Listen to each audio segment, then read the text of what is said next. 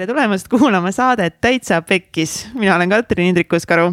ja mina olen Mihkel Vetemaa ja meie neljandas Täitsa Pekkis hooajas me räägime ägedate, edukate, inspireerivate inimestega nende eludest ja no asjadest, mis nende elus on pekki läinud ja kuidas nad on pekki läinud ja miks nad on pekki läinud ja ikka, kuidas sellest siis kõigest võitjana välja tulla.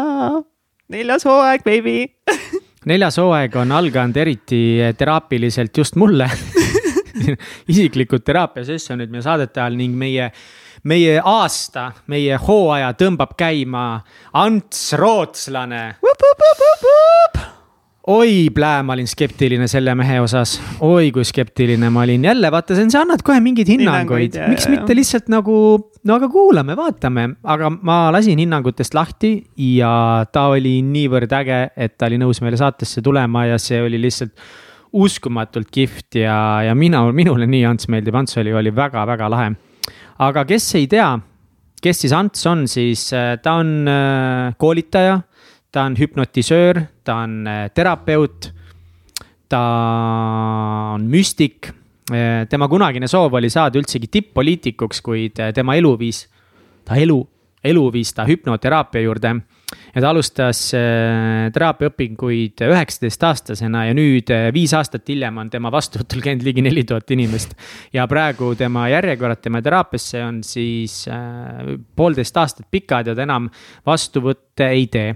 mis nagu minu silmis, see on nagu päris selge märk, et kõik need inimesed, kes seal käinud on, siis need need testimonial'id ja need soovitused on väga head, nii et kurat, see mees peab seal midagi hästi tegema.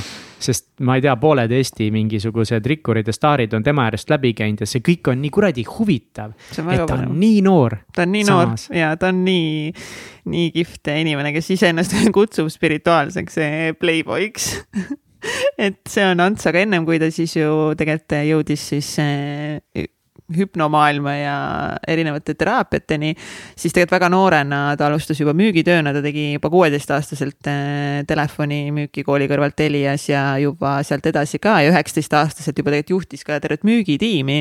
et ennem nagu pani hullu müügis ja siis äh, tuli sihuke elu pöördepunkt ja temast sai hoopis äh, siis terapeut. ja, ja oma oma skill'ide on siis äh, lihvinud Osho Darshan, Darshan, Darshan, ma ei oska isegi hääldada seda, Osho Darshan instituudis äh,, siis ka American School of Hypnosis.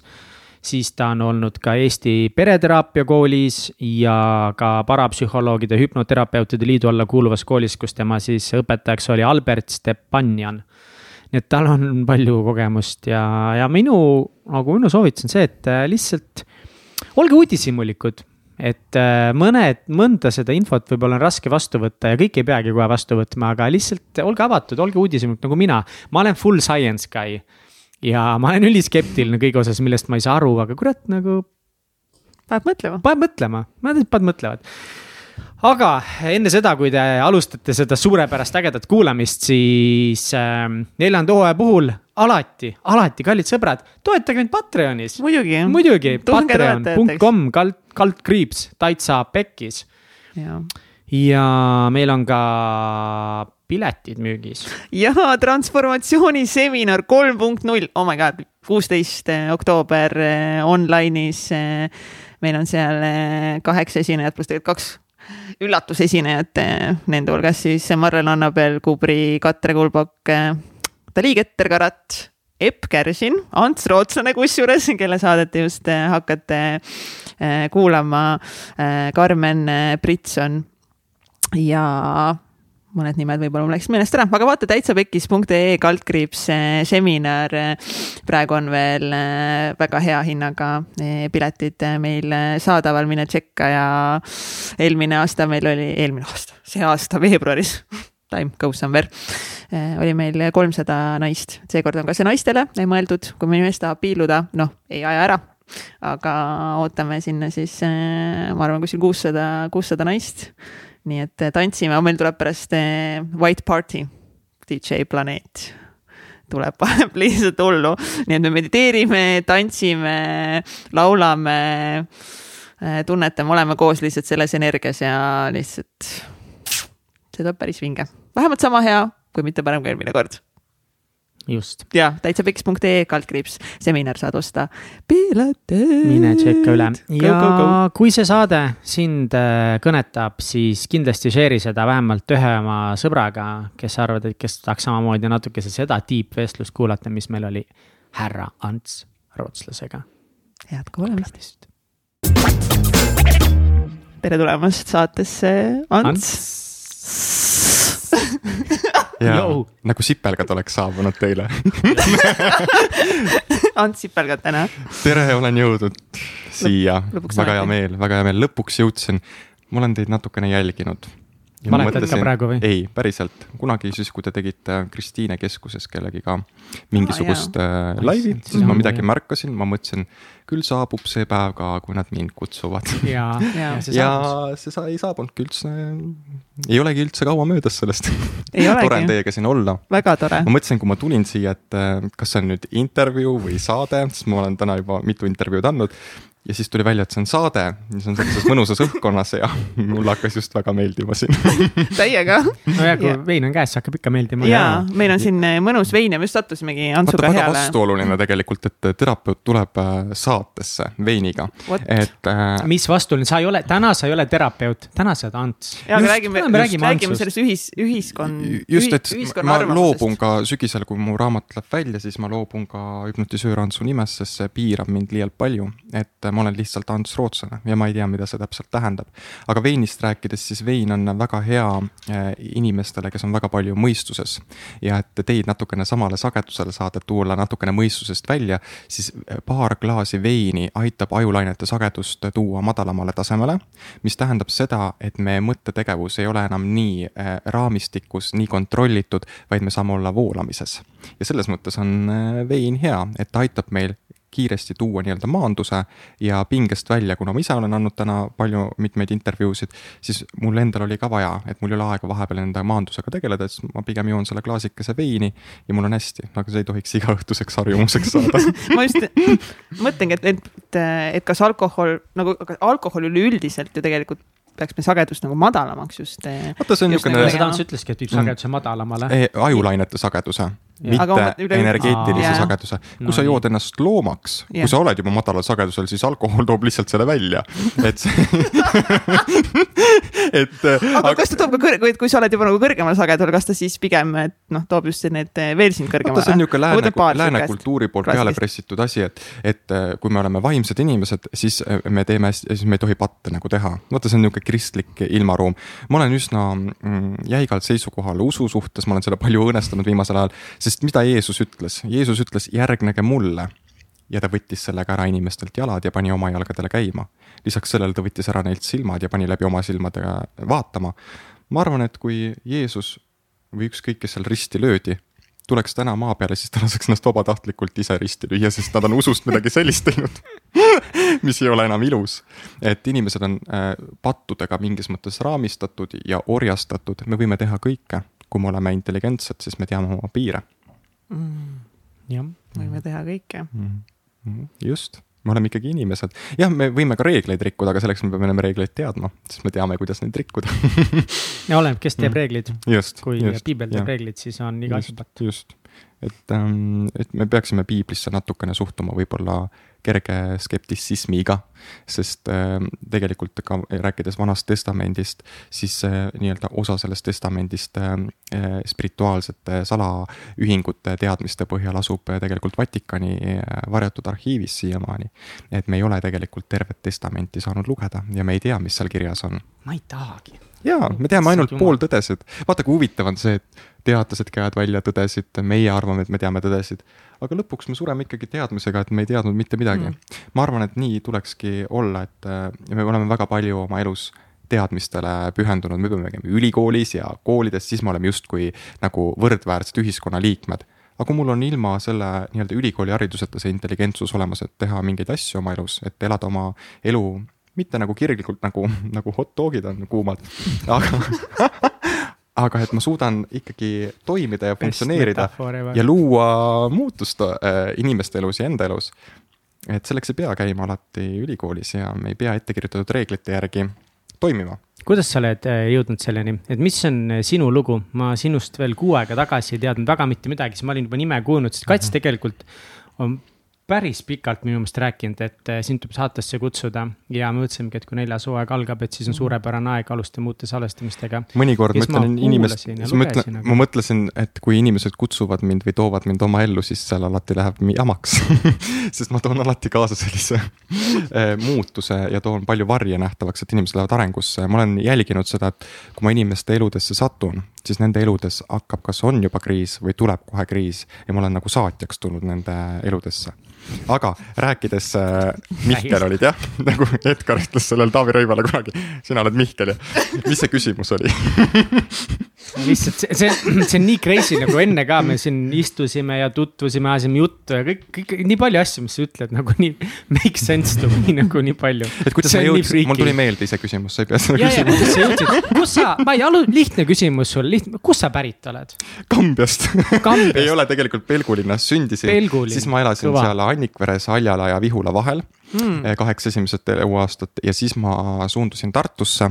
ja ma ütlen, kui ma ei oleks sealt Annikverest ära kolinud, siis ma arvan, minust ei oleks saanud täna seda, kes ma olen. et eh, mulle juba väga väiksena juhtus väga palju selliseid olukordi, kus ma olin kiiretes muutustes. ma käisin üks, kaks, kolm, neli noh, koos keskkooliga koos ma olen käinud seitsmes koolis. Mm. noh, ma olen lihtsalt koole vahetanud, kõigepealt oli see Haljala kool, eks ju, seal ma käisin.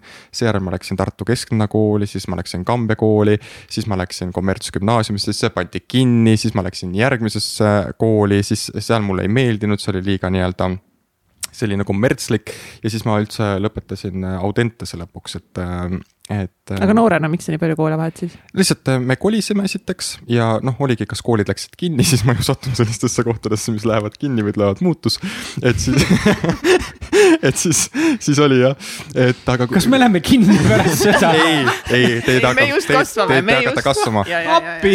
ei hakata kasvama, sellepärast boost ime teid ülesse. aga kuidas ma selle, sellesse jõudsin, sest ma juba väga väiksena sain aru, et ma olen natukene veidrik, et mul oli väga väiksena juba väga müstilised kogemused, kus ma ehitasin oma voodi ümber selliseid äh, barrikaade karudest ja asjadest, sest mul käisid mingid külalised, millest mina midagi aru ei saanud, nad ei olnud nagu inimesed. ja ma olin pisut nagu hirmul, ma tõesti värisesin hirmust. oota, kas nagu une, unenägudes või sa päriselt no, nägid päris, neid? päris nagu elus. keda sa nägid? Eh, no need olid lihtsalt niisugused siluetid äh, nagu tumedad siluetid ja ma olin nagu paanikas, hirmul, keegi ei saanud aru, mis mul viga on, mul olid väga hirmsad unenäod. ja kui ma, see oli minu jaoks viimane tipp, kui ma viieaastasena tahtsin minna WC-sse, ma tegin ukse lahti ja seal seisis pikas keebis mees kongus ninaga. Eh, see oli minu jaoks šokk sellel hetkel, ma sain trauma ja pärast seda kadus mu nägemine ära ta kadus ära sellest hetkeni, kui ma olin kuusteist.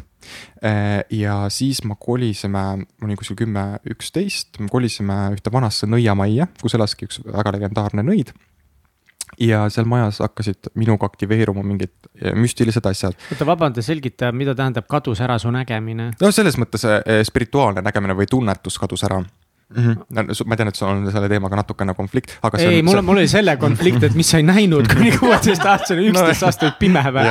no pärast seda intervjuud sa hakkad rohkem mõistma aga, aga, nii, ei, väga hea, ühesõnaga mitte, silmad töötasid just, silmad töötasid ja läbi Jeesuse ei näinud, nägin oma silmadega.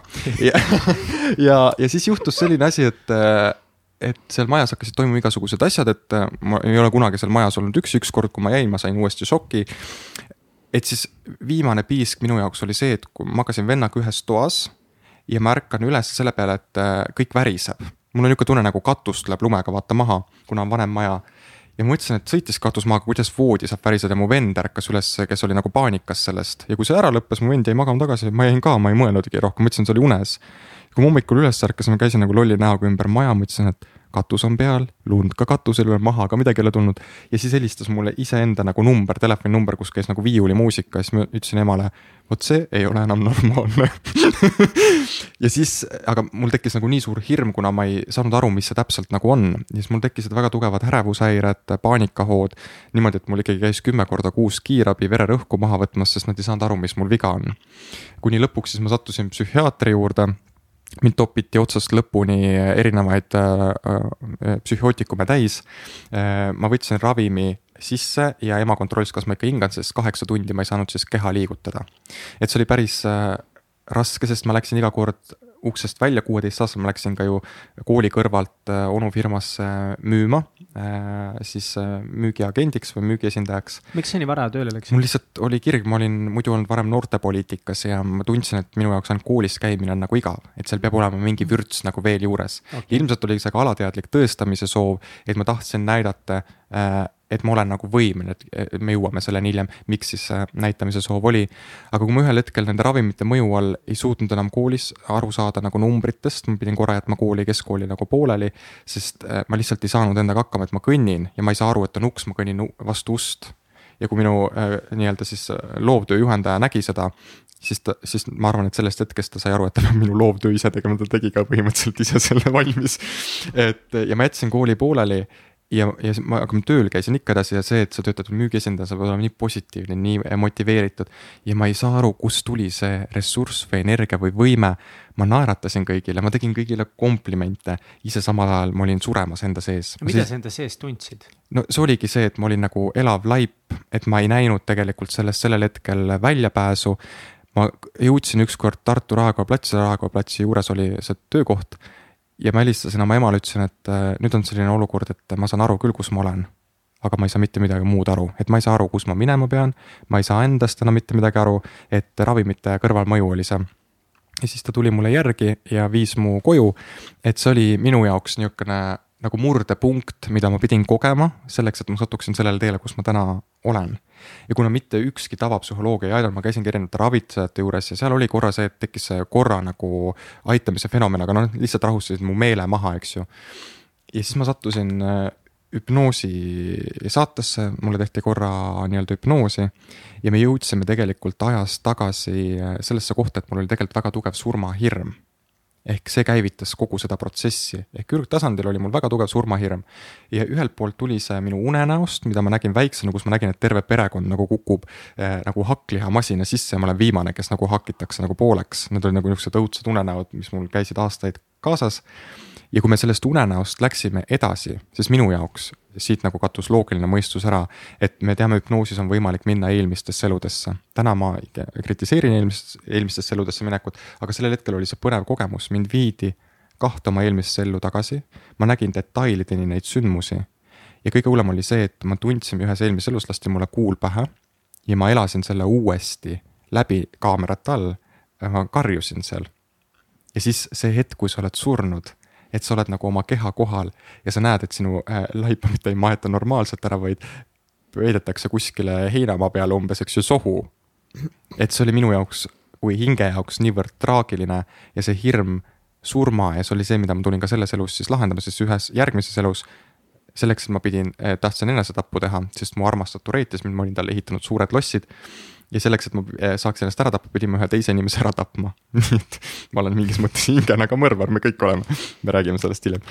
Eh, ja, ja siis oligi selline olukord, et eh, seal nii-öelda see kõik see pagas tuli nagu mingis mõttes sellesse ellu kaasa ja ma ei tea siiamaani, kas see on tõde või mitte, igatahes, kui me olime seal ümber mänginud hüpnoosis olles, ma läksin väga ruttu sealt võttelt ära, ma seisin Pärnu maantee keskel, trammitee keskel ja ma vaatasin päikest ja ma sain aru, et minuga on midagi jäädavalt juhtunud. sest ma tundsin, et ma olen justkui kõigega üks. ma olin selle päikesega üks, ma olin selle ümbruskonnaga üks ja see tramm, mis sõitis, ta pidi seisma jääma, sest ma ei kuulnud seda signaali, mis ta lasi. ma sulandusin täiesti kõigega üheks. ja ma ütlen, et see on minu esimene valgustumise moment, ärge saage valesti aru, ma ei ole valgustunud, aga selleks, et töötada sügavamal tasandil, sa pead olema kogenud midagi nii sügavat, et sa suudaksid mõista inimest kui tervikut ja seda, et tõde ei ole lõpuni olemas. ja kui ma kogesin seda, siis sellest hetkest alates muutus minu elu. elu hakkas mul ise tooma, hüpnoosiõppe tõi mulle lauale, mind äh, kutsuti äh, ühte praksisesse terapeudiks, äh, esimesed viiskümmend seanssi ma ei saanud üldse aru, mis ma teen nende inimestega oh, back that up mm., väga huvitav nagu, selles mõttes, et kui vana siis olid, kui sind kutsuti sinna? üheksateist ja pool. aga, aga miks, mis, mis oli see, mis sa siis, äh, et kuusteist aastat sa alustasid müügitööd mm mis oli see kogemus, mis sa olid nagu ära teinud, et keegi kutsuks sind kuskile, sest ega keegi ei kutsu niisama inimest, kes pole kunagi teraapiat teinud? Eh, esiteks, et äh, see, kes mind kutsus, see märkas, et mul on mingine sügavam olemus, ta mm, märkas energeetiliselt minu võimekust ja ta teadis, et mul on ka tugev kogemus suhtlemisel, kuna ma olin müügiinimene. Ja, ja sellest hetkest siis ta tegi selle otsuse ja, ja see oli väga tore otsus ja umbes pool aastat hiljem ma töötasin müügis ikkagi edasi, see oli minu jaoks kõrval nagu töö. Okay pool aastat hiljem ma sain aru, et ma pean erapraksise looma. ma sain selle konkreetselt ühes meditatsioonis, ikka pildina ja see kõik tuli ise. Niimoodi, et ma mõtlesin, kus ma kliente saan. Ja kui ma kuulutasin oma Praxise välja, mul oli esimesel kuul juba kakskümmend inimest, ma mõtlesin, ma hakkan rentima ruumi, aga ma mõtlesin, kui nii palju inimesi on, siis ma võtan ise ruumi. Ja siis võtsin ruumi, hakkasin nagu tegema ja siis kolm kuud hiljem ma avastasin, mul on juba nagu kolm kuud järjekord. ma ei saanud aru, ma olen kahekümne aastane, kuidas inimesed usaldavad, aga ma ise olin nii veendunud, ma olin iseennast nii ära hüpnotiseerinud, et ma saan hakkama, ma tulen toime. aga siit tulevad esimesed täitsa pekki minekud.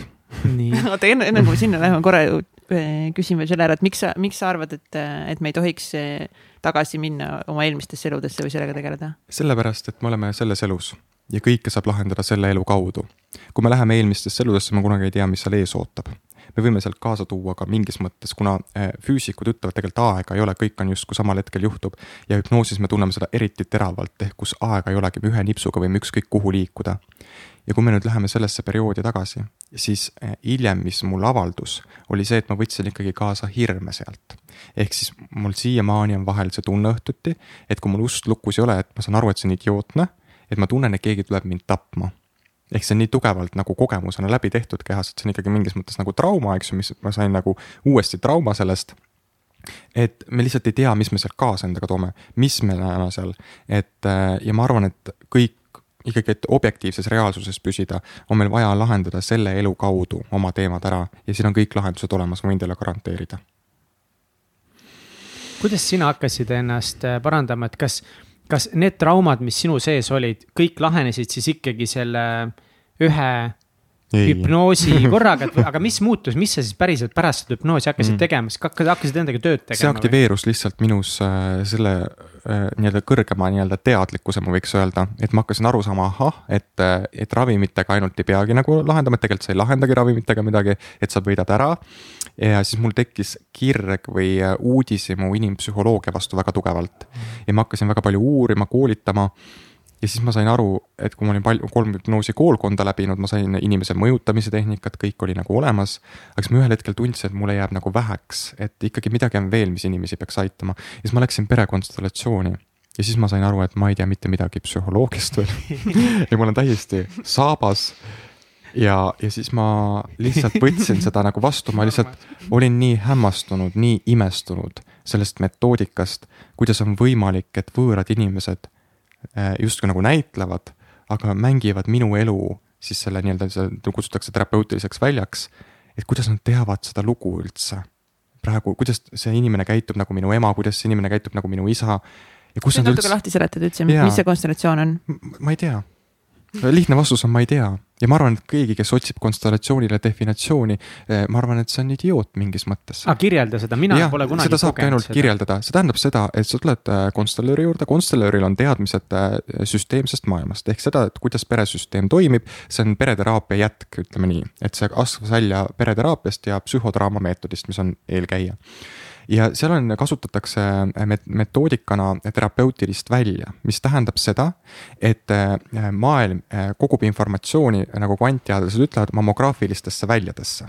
mis tähendab seda, et kogu informatsioon kõige kohta on kogu aeg olemas.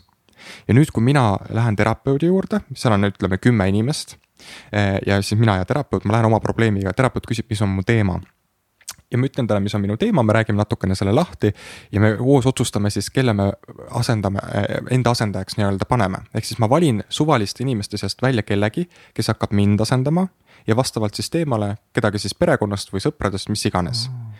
ja kui ma nüüd lähen selle inimese juurde, võtan kätest kinni, ütlen talle silma sisse, mida seal kasutatakse ka hüpnoosi ja, ja peegelneuroneid, siis ma kannan läbi enda sellele inimesele kogu oma siis suguvõsa mammograafilise süste-, nii-öelda informatsiooni üle ja kui ma panen ta sinna paika, sinna väljale, siis umbes minuti-kahe jooksul hakkab see inimene tundma ja rääkima, käituma samamoodi nagu minu siis, kas mina ise või siis minu nii-öelda need esivanemad ja see oli Kuidas? minu, ja see oli minu jaoks täiesti, vot see ongi müstika mm.. teadlased ei suuda seda seletada, aga nad suudavad seletada seda, et tohutud ajubiokeemilised protsessid käivad selle jooksul.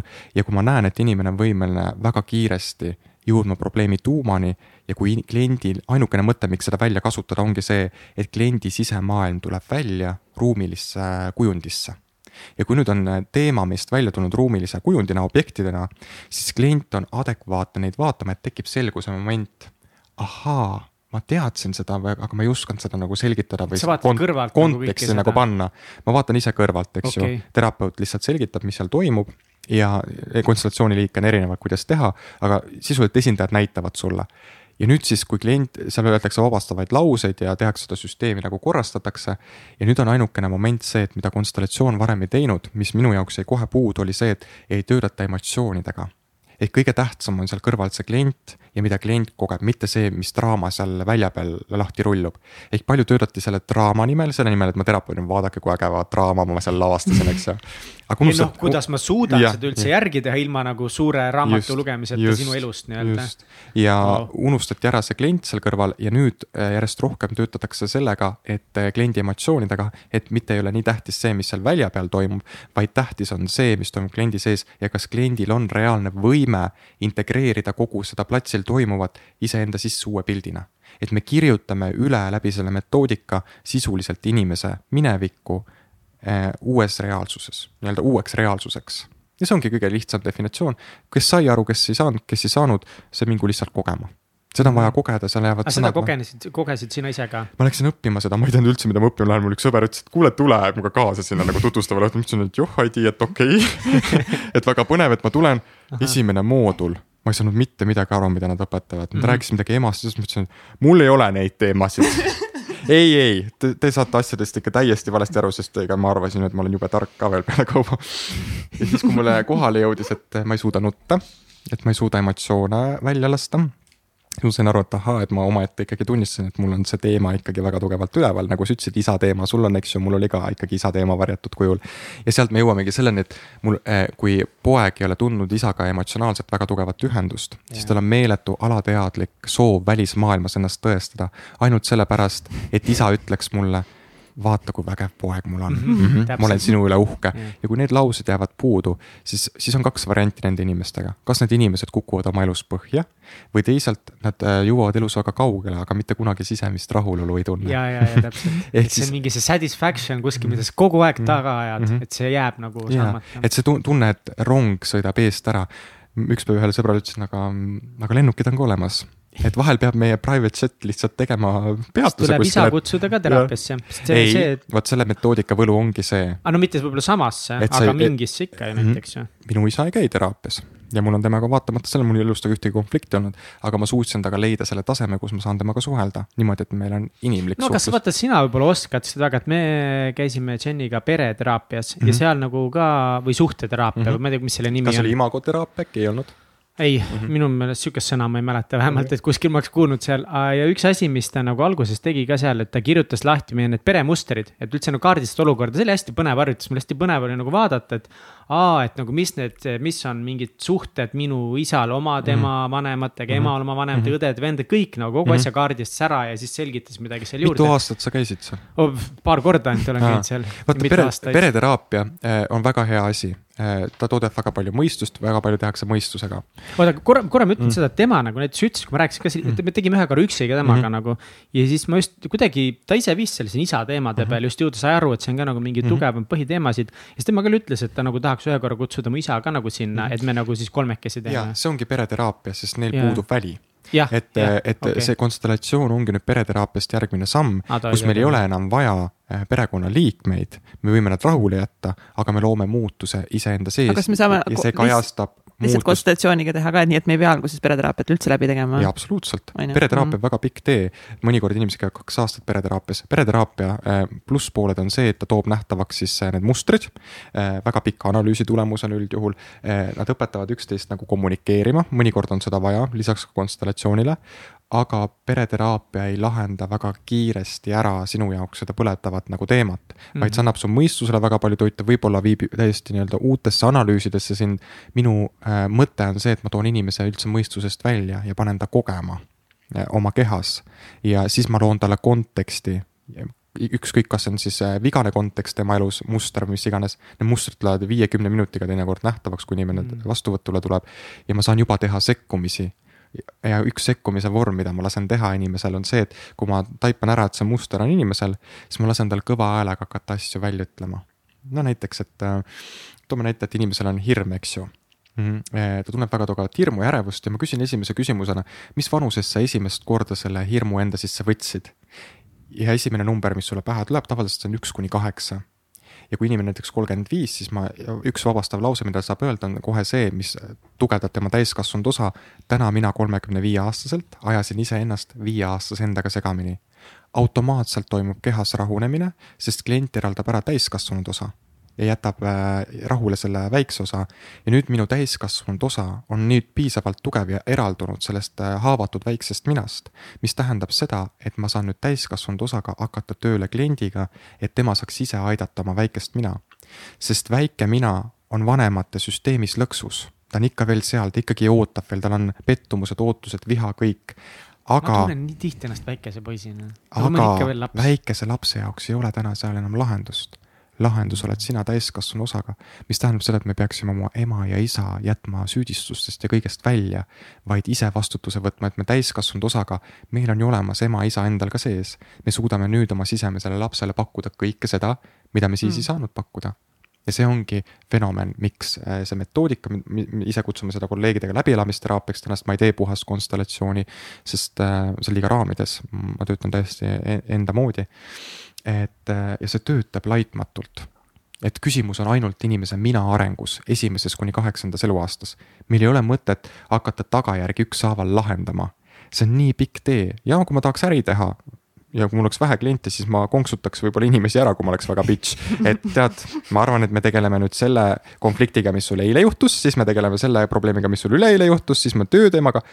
aga kui ma lähen sinna suguvõsasüsteemi, siis ma saan öelda, aa, näed, see algas tegelikult siit ja see on lihtsalt tagajärg. et kui me selle põhjuse nüüd siin ära äh, lahendame, sa saad aru, millest see tekkis ja inimene saab nõustuda ainult siis, kui ta teab lugu, kui ta teab konteksti. Me ei saa kunagi nõustuda asjadega, kui me konteksti ei tea miks me surnutest, äh, miks me surnuid rahule jätame, miks me leinaga hakkama ei saa. sest meil jääb küsimärk, miks ta lahkus, miks ta lahkus nii vara, mis tal juhtus, äh, miks ta ei elanud kauem, nii edasi. me ei nõustu inimeste surmadega isegi mm -hmm. ja me hoiame neid kinni mm. -hmm. ja surnu on täpselt nii kaua aktiivne, kuni elavad neid kinni hoiavad. ja see on väga ohtlik teema sa ütled, et sa oled müstitsismi suhtes või spiri-, nõidade suhtes skeptiline, aga ma siiski toon selle spirituaalse mõõte sisse. too täiega. sest ma olen näinud seda oma praktikas. Äh, ma olen avatud oma meelt muutma kogu prak aeg. praktikas inimesel suri ära laps. ta jättis selle lapse urni omale koju kamina peale uh,. mm. -hmm. ja mis juhtus? ta hakkas nii-öelda, jäi sellesse kinni, ta ei saanud kunagi, ei lasknud lahti sellest lapsest ja tema teine laps ootamatult suri. ta jäi auto alla. mis juhtus selles äh, kontekstis, on see, et kuna see lapse hing ei saanud minna vabaks, sest ema ei lasknud teda ja selleks, et ma saan pinge enda pealt ära suunata, selleks ma pean tooma teise ohvri. ehk siis minu õde või vend peab surema selleks, et minu ema märkaks seda, mida ma teen. mõistate seda, see on süsteemne maailm. ehk siis selleks, et mina saaksin vabaks surnuna et ma saan siis ära minna, jumal teab, kus ma siis lähen, eks ju, et ma ei jääks siia kinni. siis teinekord me peame kellegi kaasa võtma ja see on üsna. see on juba liiga keeruline. see, see, see on keeruline ja. aga nagu ma saan sellest probleemist küll väga selgelt aru, et, et noh, kuidas see mõjutab nagu tänapäev selle inimese reaalsust mm, -hmm. kui ta ei lase lahti oma sellest lapsest. absoluutselt ja samamoodi aborditud lastega, ma olen seda palju rääkinud, et kui meil on abordid või ärakukkumised, siis nad on alati süsteemis meil olemas sellest hetkest, kui laps eostub, satub ta süsteemi osaks mm. -hmm. ja kui mul sünnib nüüd elus laps ja kui ma ei ole traumasid tunnistanud ja sellega hakkama saanud, siis alateadlikult see elus laps läheb asendama emale neid surnud lapsi või ühte surnud last, sest laps liigub sinna, kuhu ema vaatab alateadlikult kui ema vaatab alateadlikult veel surnud lapse peale ja ta äh, on selle välja tõrjunud samas endas emotsioonidest, siis lihtsalt laps läheb selle koha peale ja mis lastega juhtub siis, kas nad jäävad haigeks? Ähm, neil võib tulla tähelepanu aktiivsushäire, ähm, äh, neil võib hiljem kujuneda välja bipolaarsus ja see on eriti ka nende inimeste puhul, kellel on kaksikud kõhus ja esimestel nädalatel üks kaksik sureb siis inimene hakkab justkui kahe inimese eest korraga elama. ehk ma elan kahes nagu teadvuses, ühelt poolt üks osa minust on surnud teine osa minust on elus. ja siis ma, mul on konflikt selle kõige vahel ja ma teen seda suurest armastusest oma ema-isa jaoks. isegi kui me vihkame oma vanemaid, siis selle taga on alati varjatud armastus, sest mm. viha aitab mul lihtsalt eralduda ja endaga toime tulla. kuidas mm. sinu äh,, näed, nüüd ma ei jätnud mm. siia väikest pausi vahele. Lähed, teeme, teeme kaks sekundit mm.. jah kuidas sina ise nagu õppisid või, või kogusid neid teadmisi, et äh, see on päris huvitav, kuidas sa üheksateistaastaselt juba hakkasid siis äh, teraapiat tegema, see on üliaus sinust ja väga armas, et sa nagu ütlesid praegu otse välja, et ega sa alguses ei olnud päris kindel, mida sa teed, aga samas see belief nagu, et see on see, mida sa pead tegema, oli nii tugev. Ja ilmselt see neid inimesi tõmbas juurde. aga kuidas sa nagu õppisid, kas sa ainult lihtsalt jälgisid seda, mis teraapias toimub või sa pidevalt otsid raamatuid, videosid, mingit informatsiooni, oled sa selle õppimise protsessi, sest praegu sa oled kakskümmend viis või kakskümmend kuus? kakskümmend neli ja pool. aga kakskümmend neli ja pool, ühesõnaga, et noh nagu sa kuskil ütlesid ka, et väga suur, et sinu vanus põhjustab väga palju seda mingit eelarvamust ja kõike, aga, aga ilmselgelt. ma ilmselt videos... valetasin, tegelikult ei põhjusta. aa, okei okay,, no ma kuskil nägin seda pealkirja. jaa, Õhtuleht pani lihtsalt selle aa, pealkirja, aga, aga ma ei tea, kas ma ütlesin. ütlesid ühes videos jaa, seda. võib-olla ma ütlesin, võib-olla siis oli mingi inimene, kes, et ma lihtsalt tajun seda, et inimesed ei handle'i seda ära, et mingi noor naga tuleb kritiseerima ja analüüsima. sellepärast, et ikkagi nagu need on nii sügavad teemad ja tihtipeale on see, et inimesed inimesed peavad seda kõike ise nagu läbi kogema mm. nägema, protsessima ja lugema tohutult palju informatsiooni. ma olen küsinud oma klientidest, kas mul peavad lapsed ära surema, kas mul vanemad peavad ära surema. et kas ma siis alles viiekümneselt olen valmis vana inimesena teie terapeut nagu olema.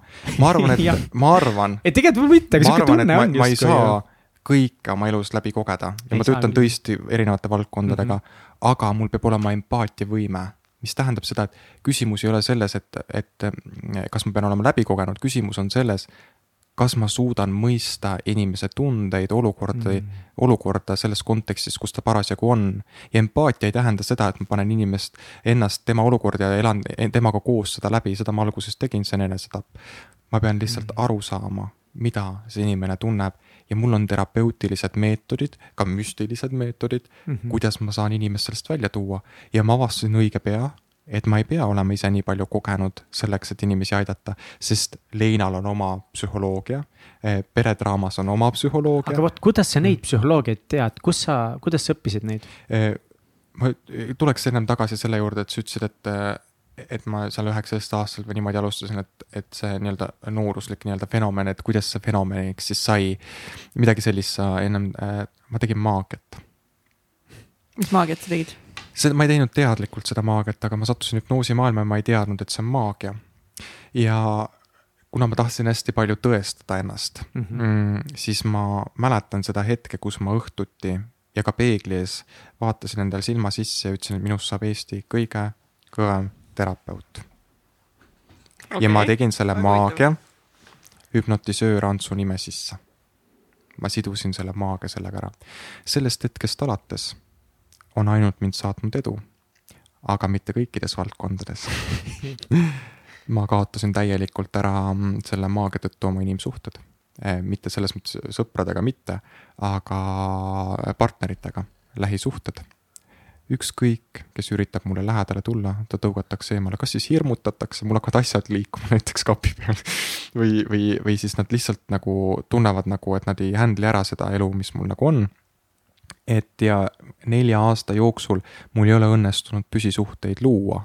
ja ma olen seda vaadanud äh, teraapias ka ja enne, kui ma ei loobu hüpnotisöör Antsu nimest, ei ole see võimalik. ma ei tea, mis juhtub siis, kui ma võtan Ants rootslase, ma olen valmis kõigeks see võib tähendada seda, et fenomen kaob ära aga ma ei usu, sellepärast et mm -hmm. kui ma kasutasin maagiat, oli mul selleks vaja, et tõusta.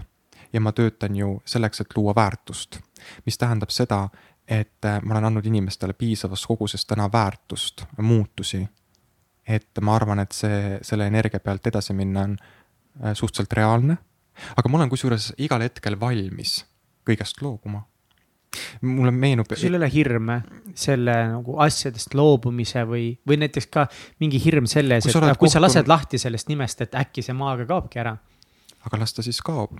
ma ütlen, et ma ei saa olla hüpnotisöör Ants, sest siis ma ei saa olla terapeut konkreetselt, ma ei saa mhm. olla müstik. Ants Rootslane on palju rohkem kui hüpnotisöör mm.. aga sellel hetkel, kui ma sain aru, et hirm on siis ma olin suremas. eelmine aasta oli minu jaoks, see oli terve aasta, mitu aastat on minu jaoks olnud nagu emotsionaalne sõda. Väga varjatud kujul, ma sain alles nüüd sellest aru. Ja kui ma olin haiglavoodis ja arstid ütlesid mulle, et mul ei ole väga palju, võib-olla on kümne minuti küsimus, eks ju, nad ei tea, kas nad jõuavad.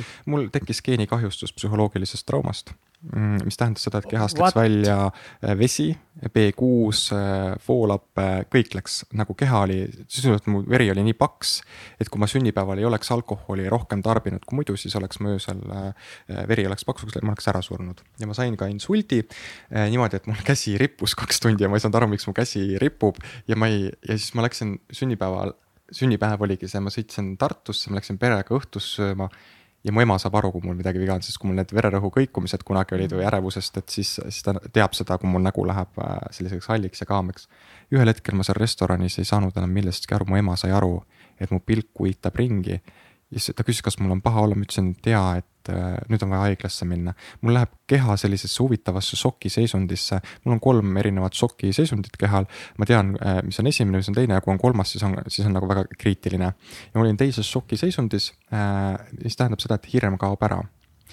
sellel hetkel maailm hakkab nii-öelda peatuma ja ma su suutsin veel kõndida, ma ütlesin emale, ei ole vaja kutsuda kanderabi, ma lähen ise haiglasse. ja arstid ütlesid, et jaa, teil on ärevus, et me anname teile rahustit ma ütlesin, kui te kohe mulle tilguteid ei pane, siis ma suren siia tooli peale ära. ma ütlesin, te ei usu mind ma tegin huumorit neile veel. ja siis ma ütlesin, ma ei suuda isegi näpuga nina üles leida, siis nad katsetasid seda, ei suutnud, siis nad said aru, et asi on väga tõsine. ja siis mul tekkis voodi ümber selline külm õhk äh, ja aparaadid äh, ei näidanud enam õigeid numbreid, läksid nagu sassi. ja siis arst, üks arst ütles, ma tean küll, kes te olete ma ütlesin, et kui ma suren, siis ma suren rõõmsana ta ütles, te ei tohi niimoodi rääkida. ja siis äh, nad suutsid ikkagi mind üles putitada. oota, aga palun proovi veel selgitada natuke isegi täpsemalt, mis sul siis ikkagi viga on, ma ei saanud aru. mul oli, mul oli, mul ei ole täna enam midagi viga. mul oli aktiveerus geenikahjustus, mis tähendab seda, et mul on nõrk, äh, ma ei mäleta selle geeni nime enam mm., mis tähendab seda, et, äh, et see aktiveerus psühholoogilise šoki tagajärjel, mis omakorda ei lase südamel püsida normaalses rütmis, ehk kas vererõhk läheb väga madalaks või kõrgeks. ja see koormab keha nii ära ja kehale on vedeliku puudus, eks ju, vitamiinide puudus, ehk süda võib lõpuks seisma jääda. ja, ja siis nad ei saanud aru, mis mul nagu viga on ja, ja siis nad tegid mulle uuringud ja mul just äh, tuli kuskilt sealt äh, keegi appi, kes kirjutas mulle samal õhtul, kes oli kuulnud, et ma tüüsin mingid kohtumised ära, ühesõnaga mingi inimene oli öelnud, et ma olen haiglas, mul on keeruline olukord. ja siis ta tuli mu elu nagu päästma saad aru, ma elasin nagu kuningass, mulle toodi kolm korda päevas süüa, mul oli maja Viimsis, mulle nagu loodi selline nagu keskkond. Ja arstid ütlesid mulle, et, et nad said lõpuks teada uuringute tulemusena, et nad, mul on geenikahjust-, noh, geeni mingisugune kahjustus või rike. et ja nad ütlesid, ma pean võitlema. ja siis ma sain aru, et ma ütlesin, et mul ei ole jaksu võidelda, et see on esimest korda elus, kus ma annan alla ja ma läksin sinna akna äärde, ma vaatasin õue, mõtlesin, et mis siis juhtuks, kui homset enam ei tuleks. ma mõtlesin mitte midagi, sest ma olen juba piisavalt üles ärganud, et kui ma suren, siis on palju valgusrikkam, palju säravam, palju helgem. ja ma isegi mõtlesin, päris huvitav oleks ära surra.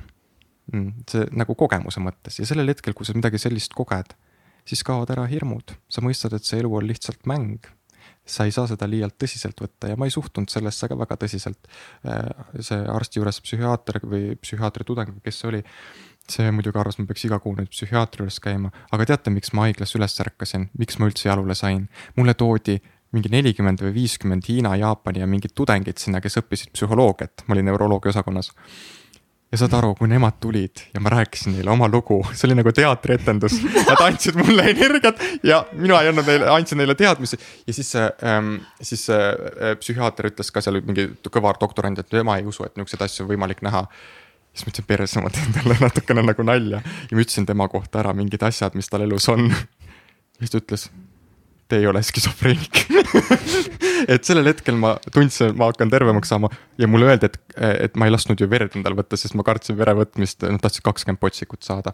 miks sa kartsid seda? ma, mu süstlad on nõrk koht, enam ei ole, nad on mind ära nii süstinud ja ma andsin ainult kümme doosi neile, ma ütlesin, mina rohkem ei anna ka tuhkusest välja siis nad tulid allkirjaga tagasi, et ütlesid või selle paberiga tagasi, kas te annate allkirja mm, -hmm. et te loobute ravist. ma ütlesin, ma võin kõik anda, aga ma lähen kohe minema siit, siin ma jään haigeks, siin ma suren ära, kui ma lähen siit välja, ma jään ellu. tegin selle otsuse mulle tuldi järgi ja ma tõusin jalgele ja see inimene, kes tuli appi, ta analüüsis mu lahti, ma ei tea, kas ta on inimene, sest ma ei, ma ei kujuta ette, sellepärast et äh, ta ei tahtnud minust mitte midagi saada. ta nagu valvas, et ma magaksin, et ma magaksin normaalselt, ta oli hariduselt ka arst. ja siis ma küsisin, et äkki sa oled nagu nartsissist või pedofiil või mingi, noh, kuna ta oli mees, eks ju, et äkki sa oled lihtsalt mingid huvid on minu vastu, midagi sul peab nagu olema. et äkki sa oled nagu mõrvar ütles, et ta on mõrvamise koolituse nagu seal äh, mingi USA väljaõppes läbinud küll, aga ma mõtlen, et seda pool laipa pole mõtet nagu tappa. Ära kasutada ka pole mõtet. Sa räägid nüüd sellest mehest, kes sind aitas? ja, ja kes äh, sulle lambist lihtsalt just. tõi süüa, andis sulle ja, ta raha, ta, tal oli mingi assistent, kes sellega tegeles. ja siis ta ütles, et äh, mul on äh, minu kuvandile mittevastav auto ja siis ta kandis mulle auto sissemaksu raha veel, et ma läheks ostaks mis autos, oota, mis auto sul oli siis? mul oli Škoda Scala aastavana ja. mis selle ta on? see oli liiga väike ja mänguasja värvid olid niisugune elektrisinine. ja, ja siis, ja siis ta korraldas ära mulle niimoodi, et ma sain sealt Tartu Škoda esindusest siis endale mm, Škoda Octavia äh, uue ja valge sisuga ja kõik väga fancy ja nii tore. ja siis ta läks lennuki peale, ma lehvitasin talle, ütlesin tšau. rohkem ma temast kuulnud ei ole. miks sa arvad, miks ta tuli sinu ellu? Äh, ma täna tean, et ta on minu õpetajatega seotud, kes on laias maailmas ja ta saadeti konkreetselt, äh, ta ütles, et sul on missioon, kuna ta oli ka tajuja väga selgelt nagu tajus asju, et sul on väga kindel missioon, et sa ei pea kunagi muretsema, et sa oled maailmas üksi et kohe, kui sa satud raskustesse, sul on alati tugi olemas, et sa pead seda teadma. et ükskõik, mis sinuga ei juhtu, sa tead, kuidas mind leida, et nad toimetavad mind siis kuskile puhkama, mis iganes, eks ju. et see oli minu jaoks nagu natukene nagu uskumatu ja minu sõbrad ka mõtlesid, et see ei ole nagu võimalik. et kuidas saab selline asi olemas olla ja mõtlesin, et ma küsisin, kas sa oled üldse inimene. ma ei ole selles ma ei ole selles kindel see ongi müstiline elu, me kunagi ei tea, mis juhtuda võib, kellega me kohtuda võime aga see lihtsalt juhtus ja täna ma olen tervem kui kunagi varem ja ma olen väga õnnelikus kohas. Mm. Kuidas sa hoiad ennast üldse nagu vaimselt eh, tervena, et sa kuidagi siin enne mainisid ka, et, et eh, mingi hetk sa oled nagu inimestega, see läbi empaatiaga nagu kõike seda kaasa elanud ja nii edasi, et aga.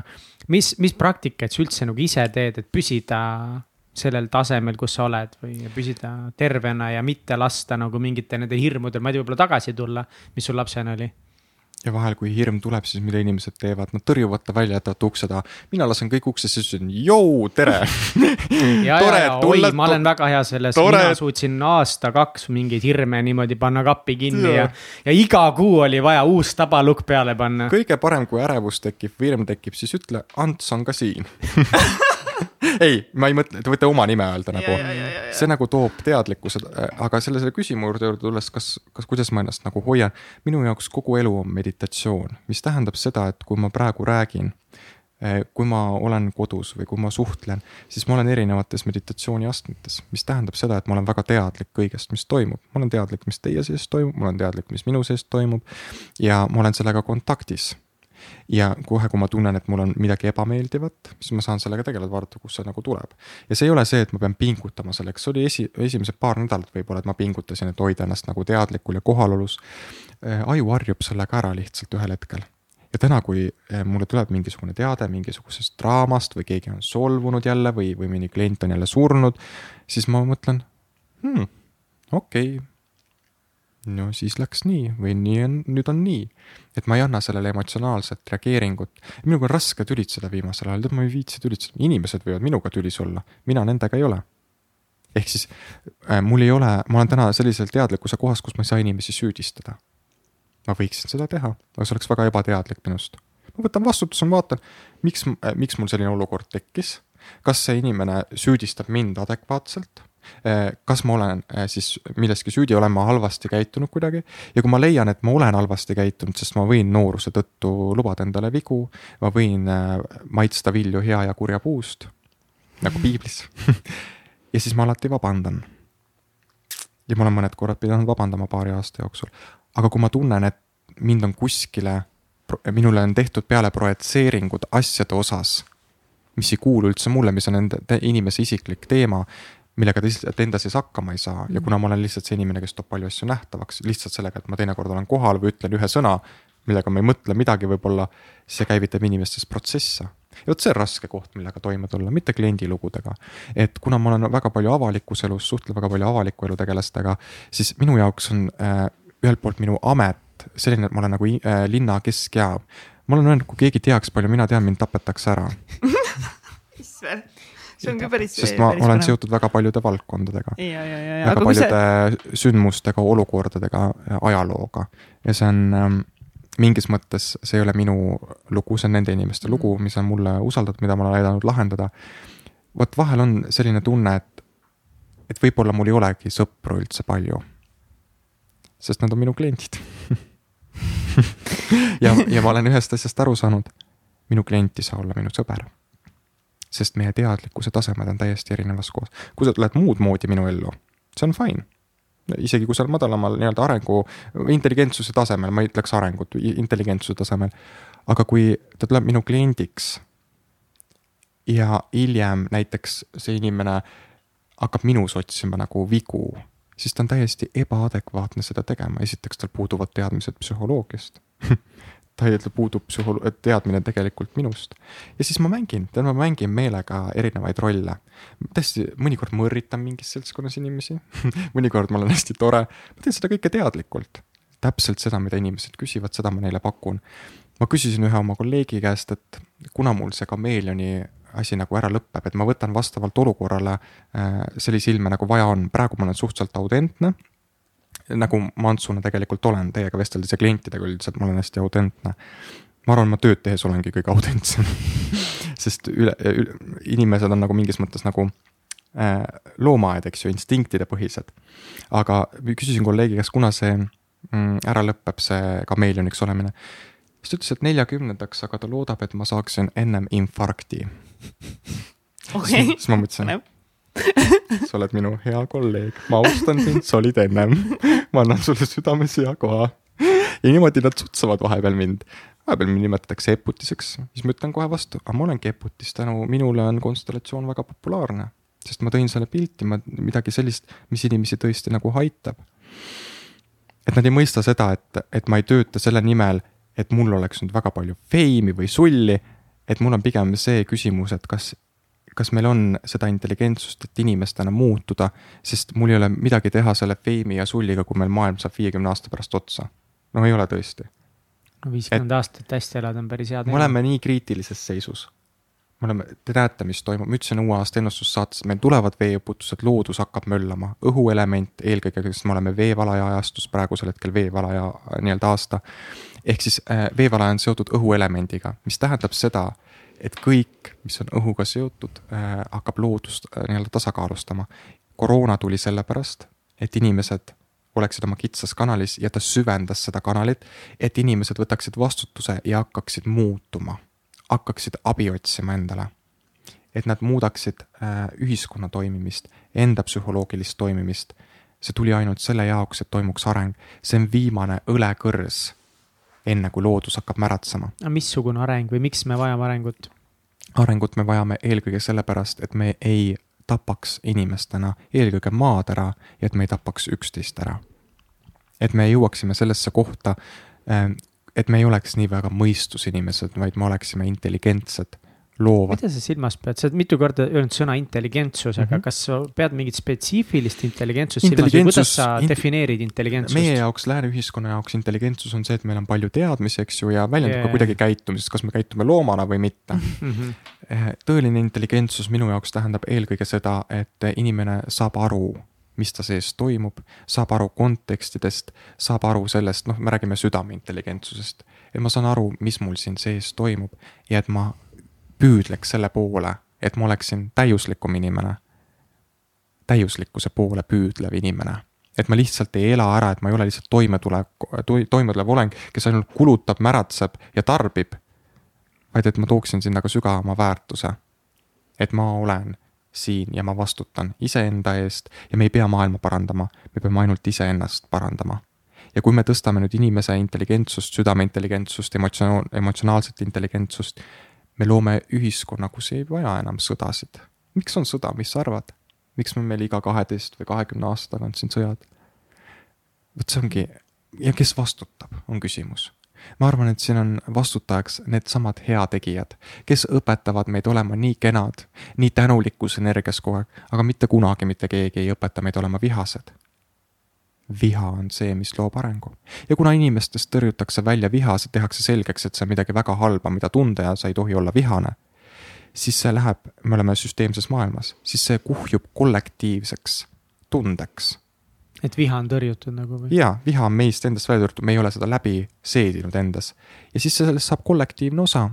ja mõtle, kui huvitav, meie enda sisemisest vihast, mida me oleme nii-öelda kollektiivsesse teadvusesse andnud, luuakse siis lõpuks põrkumisi, tehakse äri. et kuna tekivad põrkumised, relvatööstus kasvab, meil tekib, meil on vaja see viha kuidagi välja elada, meil on vaja sõdida, rünnata. kõik see lihtsalt no kuidas iga, olla vihane ja kurb, näiteks vot see vihaseks, vihaseks saab. ei oska olla kurb ega vihane -hmm. mitte et ma ei ole kunagi kurb mm, -hmm. aga ma tunnen, ma olen hiljuti, mul on nagu öeldakse seda, et, et on okei okay olla kurb ja ma ei ole kunagi sellest kontseptsioonist aru saanud, mida tähendab, on okei okay olla kurb, seepärast et. ma olen terve elu olnud suht seisukohal, et mis asja, et nagu mulle meeldib olla rõõmus, miks ma pean olema kurb mm, -hmm. kui mhm. ma saan valida, et ma olen kogu aeg rõõmus mm. -hmm. ja mingi hetk ma hakkasin nagu tajuma, et ma ei suuda kogu aeg rõõmus olla, aga ma ei taha kurb ka olla ja ma ei taha vihane ja kurb olla, aga Mõni kuidas ma olen siis? ma nimetan seda rannapalli efektiks, kui me oleme väga noored, siis me surume noorusliku energiaga rannapallid alla. Eh, seda viha, mida me ei ole teadvustanud ja nii edasi blablabla bla, bla. ja, ja siis me võtame endale sellise illusiooni, need inimesed, kes on kogu aeg nägu irv, irvel nagu ja väga rõõmsad ja positiivsed kogu aeg. see on minu jaoks nagu selline mask, millesse on ära uppunud, sest mul tekib alati nende inimeste juuresolekul selline kahtlane nagu värin sisse, et nende sees on tegelikult nii palju varjatud nagu ärevust ja allasurutud nagu tundeid, aga nad on loonud endale illusoorse olemise ja nende meel püsib selles, see on nende toimetuleku viis. aga kui me surume, kui me tahame olla vihased, siis me peame kõigepealt kogema oma elus olukordi, mis võiksid meid ajada vihaseks ja seda to-, välismaailm hakkab meile ühel hetkel seda peegeldama. ja lõpuks, kui sa enam ei suuda nii õnnelik olla, sa oled kogu aeg kurb, siis äh, need inimesed, kes on depressioonis või kurvameelsed, tead, mis kurbade inimestega tuleb teha? on kaks varianti. kurvad inimesed tuleb ajada vihaseks ja vihased inimesed kurvaks, terapeutiline reegel mm. -hmm. sest äh, kui ma surun viha alla, muutun ma jõuetuks ja minu eluenergia taandub. Avaliku elu tegelased näiteks selleks, et äh, püsti püsida, et heas toonuses olla, nad peavad olema laval. Nad saavad sealt kätte ressursi. aga paljud, ka minu enda puhul on kunagi see niimoodi olnud, kui ma jään üksi, siis ma tunnen, ma olen lost mm. -hmm. miks?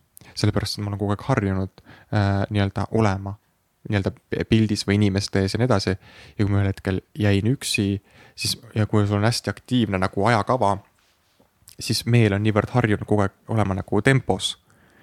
ja kui sa sellest välja tuled, et sa oled nagu kodus diivani peal, siis sa tunned, et sa ei suuda olla, et sa pead vähemalt sõbrale helistama. teeme kuule seda või keegi helistab, et sa kohe jooksed, sa oled harjunud jooksma kogu aeg mm. -hmm. siis ma ühel hetkel ütlesin, Ants, nüüd me piinleme nüüd me istume siin diivanis ja nüüd me piinleme. me vaatame, kaua see jama kestab, sest mina otsustan praegu, et ma rahustan oma meele maha. et ma rahustan ennast sellest jooksulindist maha ja ma olen nõme inimene enda jaoks. ja ma ei sallinud ennast, et ma seda tegin.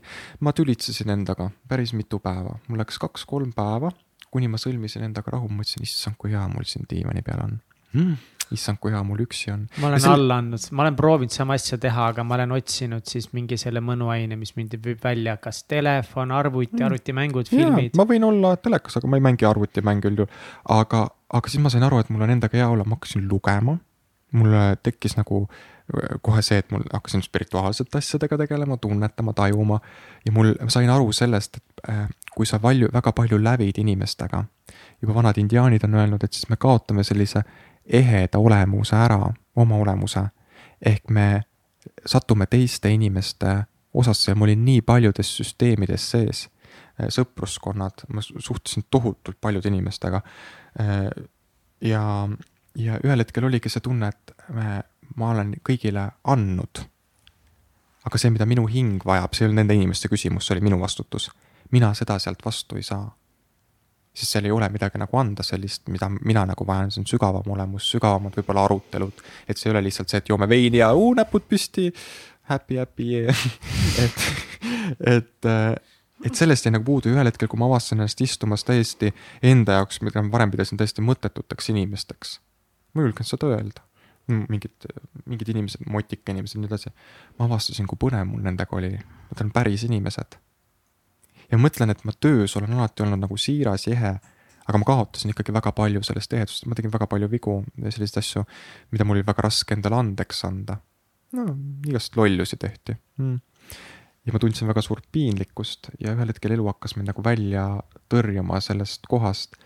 Ja siis ma otsustasin, et äh, ma olen valmis jääma täiesti üksi sellepärast, et ma otsustasin, et äh, ma mõtlesin nii vähemalt, et kui ma sünnin ema kanalist üksi ja ma raisk pean üksi ära ka surema, et siis järelikult ma saan olla väga heas kontaktis endaga, kui ma olen, suudan olla üksi ma sain aru, et see teeb mind täiesti äh, peatamatuks, see teeb mu täiesti nii-öelda, äh, mind ei ole võimalik enam hävitada.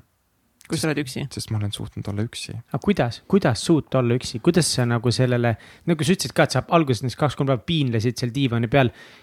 nagu enamus annavad alla selle aga piinlemise mis, jooksul. aga mis nad teevad, nad hakkavad võitlema selle enesetundega sa kujuta ette, ma puhkusele jäin, nüüd ma kolm päeva lihtsalt, mu keha oli niisugustes valudes. ma varem oleks jooksnud haiglasse ja söönud ravimeid.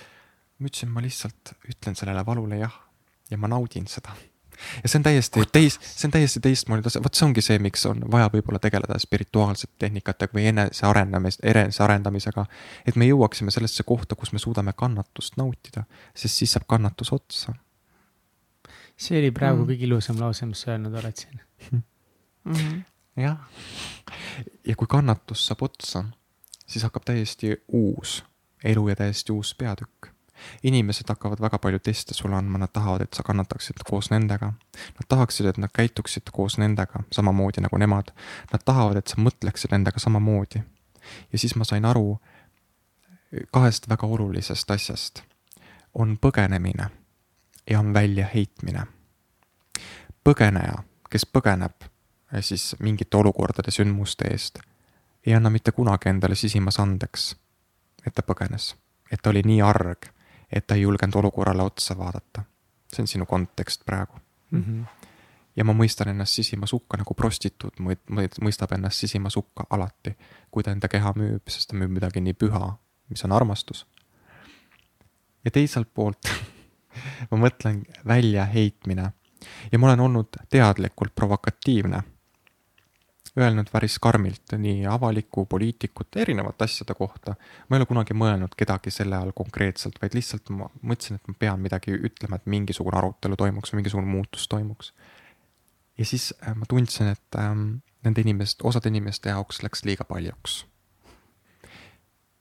ja ma ise tõmbasin selle olukorra mitte teadlikult, aga alateadlik oli, meel oli mul otsuse teinud, et ma tõrjun ennast välja, aga väljatõrjumise puhul teeb see, kes välja tõrjutakse, kõik selleks, et ta mitte kunagi välja ei tõrjutaks. aga ühel hetkel, kui see on juhtunud, noh, ma ei ole, ma ei teadnud, et ma ei jää mitte kunagi üksi, sest kelle inimene, kellel on elus, ei jää mitte kunagi üksi. aga kui ma olin ühel hetkel, tundsin, et ma olen sellest kohast, kus ma varem kuulusin võib-olla mitmeid aastaid, välja tõrjutud, siis ma tundsin, nagu oleks mul ketid ümbertringi ära tulnud ma olin ühel hetkel ka nii vaba, nii kerge. ma mõistsin, ma võin öelda nüüd kõike ma võin rääkida kõike, ma võin tunda kõike ja ma saan olla nende inimestega koos, kes pakuvad mulle ja kellele pakun mina. ja need inimesed olid ka väga olulised, kelle, kes olid varem, aga nendel oli mingi teine peatükk, nad pidid aitama mul maitsta hea ja kurja puust. et ma saaksin kogemusi aga kui sa oled nüüd need teadmised saanud, need kogemused saanud, siis teadmised on kõige suurem lõks, millesse me jääme. vaata, et see mikrofon liiga kaugele sul. jaa. ja ma otsust-, ja ma otsustasin, et ma oksendan kõik teadmised välja. ma loobun teadmistest, see on väga huvitav. aga teadmised on ju see, miks sa saad teraapiat teha. psühholoogiast ja ajust. minu ja... ala, minu teadlikkuses on see informatsioon mm. olemas ma ei jää enam teadmistesse kinni. et teadus ütleb mulle seda või isegi kui see on uhuu-teadus ütleb mulle seda mm, -hmm. siis ma lähtun sellest, mis on minu tunne. ma lähtun ainult oma tunde pealt, sest ma usaldan seda ja mul ei ole mitte ükski teraapia ebaõnnestunud, mida ma olen teinud oma tunde pealt. sest me jõuame täpselt sellesse hetke selle inimesega, selle kliendiga, kuhu ta on valmis jõudma. mina järgnen kliendile ja seda ma saan teha ainult siis, kui ma loobun teadmistest, kui ma olen oma tundes. Kui ma olen lihtsalt kanal. ja see on ka see põhjus, miks ma avalikku elu või meelelahutusse igapäevaselt tööle ei taha minna, sest seal ma ei saa olla lihtsalt kanal. seal maailmas on väga palju egosid ja see on normaalne, see maailm ongi selline ja see peabki olema, meelelahutustööstus üldse, eks ju. aga siis ma muutuksin ka selliseks aga inimesed ootavad mult midagi muud, nad ootavad mult sügavust, nad ootavad mult äh, uusi kontekste, ähm, midagi, mis neid toetaks, aitaks see ei ole minu tee, ma sain aru, et ma trügin täiesti valele põllule, ma võin käia seal meedias eputamas, see on kõik väga tore, tead, ma vahepeal ütlen oma egole, no saad nautida ja ma olen väga teadlik sellest ja. nautima peab. ja, et mu ego saab jälle laksu kätte ja siis ma, siis ma pakun talle vahepeal sellist maiuspala siis ütleme nii. Ja siis, ja siis ma ütlen veel midagi sellist teravat välja ja mõtlen, et no naudi siis. Elama peab. ei no täiega, sa ennem ütlesid ka, et et sa nagu, et sa näed ära, et mis inimeste sisemustes toimub, on ju, kas sa kas see on vahepeal keeruline ka või kas sa nagu kohe, nii kui sa sisened ruumi näiteks siia onju, kas sa kohe analüüsisid ära, kuhu sa tulid ja mis inimestega on tegemist? sa ei saa mitte midagi aru. ma ei analüüsi enam mitte okay., varem ma analüüsisin mm. -hmm. vabandust, ma solvasin sind sa ei saa mitte midagi aru. sa ei saa aru mitte midagi, kats. ei, ma kogu aeg räägin katsile, ta ei saa midagi aru. kas te olete paar muidu või? Mõtlesin, te olete rohkem nagu õde ja vend. me olemegi õde ja vend oh,. olete või? kuule, ma vaatan, ma saan Tinderist match'i praegu väga palju juhtus väga kiiresti. oota. esiteks, ei, nemad on abielus, mis on täiega nunnu. me oleme nagu õde ja vend, aga mitte bioloogiliselt yeah.. kaks asja, mis ma tahtsin kiiresti rääkida. ma ei analüüsi, ma lihtsalt vaatan ja siis ma tajun, mis seal on. tajumine ja selgelt nägemine on kaks täiesti erinevat asja tajumine on palju peenem, see sisaldab tundeid. nägemine on lihtsalt pildi nägemine, seal ei ole nii palju tundeid, emotsioone. ja teiselt poolt tuues sisse Tinderi teema, see on väga huvitav. ma tegin selle Tinderi, mul oli kogu aeg Tinder tegelikult, ma ei ole kunagi seal väga aktiivne olnud, aga mul oli aasta tagasi kuskil Tinder aktiivne korra ja siis üks jälgija kirjutas mulle, teate, keegi on teile varikonto teinud, teiesugune inimene kindlasti Tinderis ei ole. ma ütlesin, ei ole jah. et ma, ma kiiresti pöördun Tinderi poole, et ma võtaks maha, tegin kontole delete. Aga nüüd ma meelega tegin tagasi, las nad panevad südameid. Kui ta nüüd keegi kuulas seda, siis nüüd sa siis tead, et see oli sest, sest pange tähele, Ants loobub hüpnotisöör Antsu nimest, Antsul ei ole suhted lubatud, aga ma ütlen, tead saabub see päev, kui tuleb see inimene, ma olen seda inimest näinud juba visuaalselt, mulle näidatud ka vanust. kuna see inimene tuleb, kes minu kõrval vastu peab, sest äh,. kuna ta tuleb? ma, ma täpselt ei taha öelda seda kuupäeva, ma ei, muidu ma. noh, aga midagi, nagu aja, nagu. aga ta on tumeda peaga aga kas tuleb nagu see aasta, järgmine aasta, kümne aasta jooksul? minu kõrval tuleb? peab olema inimene, kes on energeetiliselt võimekam, eh, kes eh, võib, saab aru sellest, mida ma teen et ta ei võtaks neid asju isiklikult, vaid ta saaks sellest kontekstist aru, kus teel ma nagu olen. et minu jaoks selline klassikaline partnerlussuhe, teeme nüüd lapsed, elame nüüd pereelu. Ähm, üldse selline, sellisel kujul partnerlussuhe, abielu näiteks, vaadake abielus inimesi, ma üks päev käisin Tartus Lõunakeskuses paarid kärutega kõndisid, nad olid näost väga pikad, väga tõsised, väga pühalikud. ja siis tuli üks paar ma nägin, et nad on pikka aega koos olnud, neil oli ka abielusõrmus ja naine oli väga särav seal kõrval. ja siis mul tuli meelde, see naine on minu klient ja tal on kaks armukest ja siit me järeldame seda, et kui naine on mehe kõrval väga särav või vastupidi, siis seal on suhtes keegi alati kolmas. no Pärast... ei saa alati olla nii, ma ei usu. vaidleks vastu ma arvan, et ma olen, ma olen väga särav ja väga õnnelik ja. absoluutselt. mitu armukest sul siis on? noh, vot hetkel ei olegi ühtegi. ta ei saa seda ju rääkida, sest ta mees on siin ruumis. jah, aga ei, ma võiks väga, väga rääkida selle teemadel, aga need on need uue maailma suhted, mida Marlen Annaberg Kubri siin kogu aeg tahab populariseerida või rääkida sellel teemal nagu mida rohkem. ta räägib? Vaat ma ükskord vaatasin seda naist, ma ei saanud teda kuulata. esiteks ta räägib väga kiiresti, ma ei saa mitte midagi aru. aga kusjuures ta on nüüd, nüüd palju rahulikumaks muutunud. tema psühholoogiline seisund tema kõneviisis ei olnud minu jaoks aktsepteeritav, see on minu isiklik äh, nii-öelda tunnetus. ma arvan, et ta teeb teatud asja, ma ei tea, millega ta üldse tegeleb, aga ma arvan, ta on mingis asjas väga hea, ta on oma kuulajaskond tem. temal on, tema abikaasal on väga siis avatud suhe, ehk siis temal on mitu kaaslast ja tema abikaasal on nüüd ka nagu erinevaid kaaslasi. ja nüüd... siis on see, need, nad kutsuvad seda avatud armastuse siis äh, suhteks, kus sa võid siis armastada mitmeid erinevaid inimesi. Ants lihtsalt pööritas silmi praegu. nii oh,, nii. Uh, tuli see.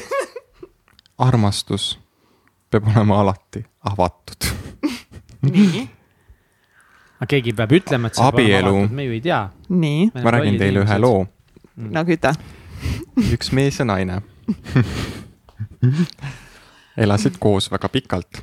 see naine oli selle mehe teinud jubedalt tuhvlialuseks ja te peate mainima seda tõde või et nõustuma selle tõega.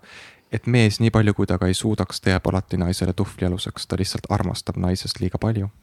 ja ta on nõus tema jaoks väga palju loobuma pudelid kolisevad selle taustal loo taustal. ma ei tea, millest te räägite.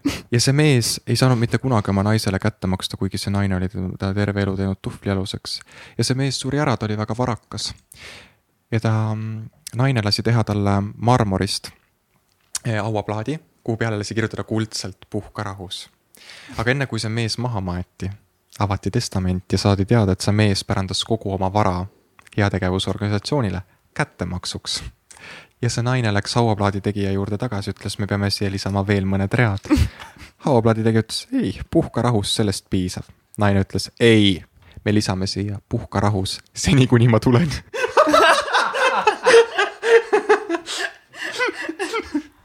oota, aga räägi. see võtab selle yeah. avatud armastuse hästi kokku. oota, aga kuidas sina siis suhtud üldse nagu, kas see monogaamiasse ja polügaamiasse? ma olin räme bitch, äh, teate, mis juhtus? mina lubasin kahekümne viieselt abielluda ja kuna ma tean. kellele? no meedias igal pool sõpradele avalikult ja. sul oli siis teadmine see, et. ja vihm hakkas sadama, seda puhastatakse praegu, mis ma rääkisin Need vaimsed inimesed räägivad, see on kõik põhjusega tütu, aga oota, aga, aga tulles selle juurde tagasi, et ma lubasin kahekümne viieselt abielluda ja kui ma sain aru, et see ei realiseeru, ma peaks praegu juba suhtesse minema, et järgmine suvi abielluda, siis ma hakkasin abielu vastaseks aa, et lihtsalt sul oleks hea põhjus, ei, ma oleks abiellunud küll, aga minust see abielu vastand lihtsalt. ma ei usu abielusse. see oli tegelikult nali, kui te panete tähele, ma räägin väga erinevatest asjadest, väga erinevat konteksti, ühelt poolt ma ütlen, et abielu on okei okay,, sest meil peab olemagi üks eesmärk justkui, eks ju. justkui nagu normaalsed, objektiivsed inimesed, selleks, et me suudaksime partneritena toimida et meil oleks fookus partneritel, et suhe püsiks, peab olema ühine eesmärk Mm -hmm. teiselt poolt filosoof minus ütleb, et eesmärkidega inimesed on surnud inimesed sellepärast, et eesmärk on siin ehk tulevikus mm. -hmm. mina olen siin ja eesmärk on ju ainult ego püüdlus äh, saavutada võimu, teostust, kõike seda blablabla bla, bla, mida nad soovivad, eks ju, see lääne ühiskond lihtsalt surub meid eesmärkide koolituste. kas sul oli see eesmärk? oota, kuula nüüd. ma ei suuda. hinga, nii ja nüüd ma olen siin praeguses hetkes ja mul on eh, keegi öelnud, ma olen eesmärkide koolitustel käinud, maksin mitusada eurot et ma pean siin olema, ehk ta ütles mulle seal koolitusel, et ma pean olema kogu aeg oma mõttega, sisuliselt alltekst oli tulevikus mm. -hmm. ma pean kogu aeg saavutama, saavutama, saama, ma pean saama miljonäriks, eks ju. ja ma tegin seda. teate, ma niimoodi üritasin saavutada.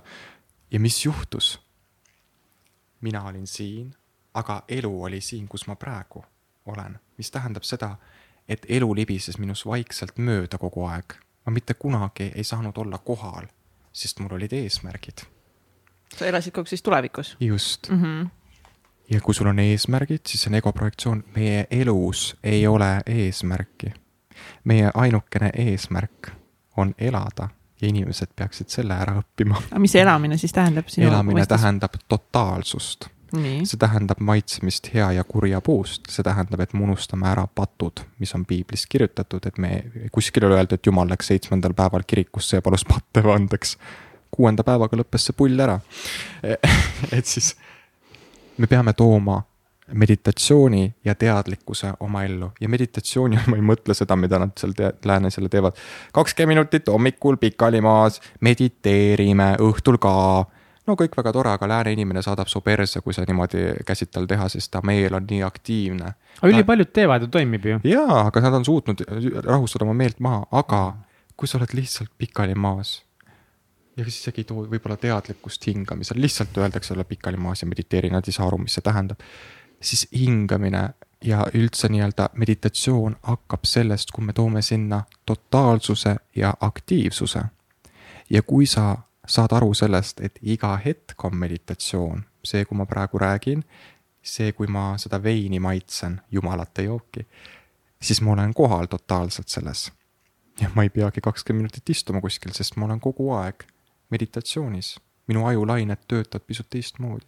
ja see, ma ei ütle, et see on kogu aeg niimoodi minu puhul, kui ma lähen sinna meediasse eputama natukene, siis mu ego aktiveerub, eks ju.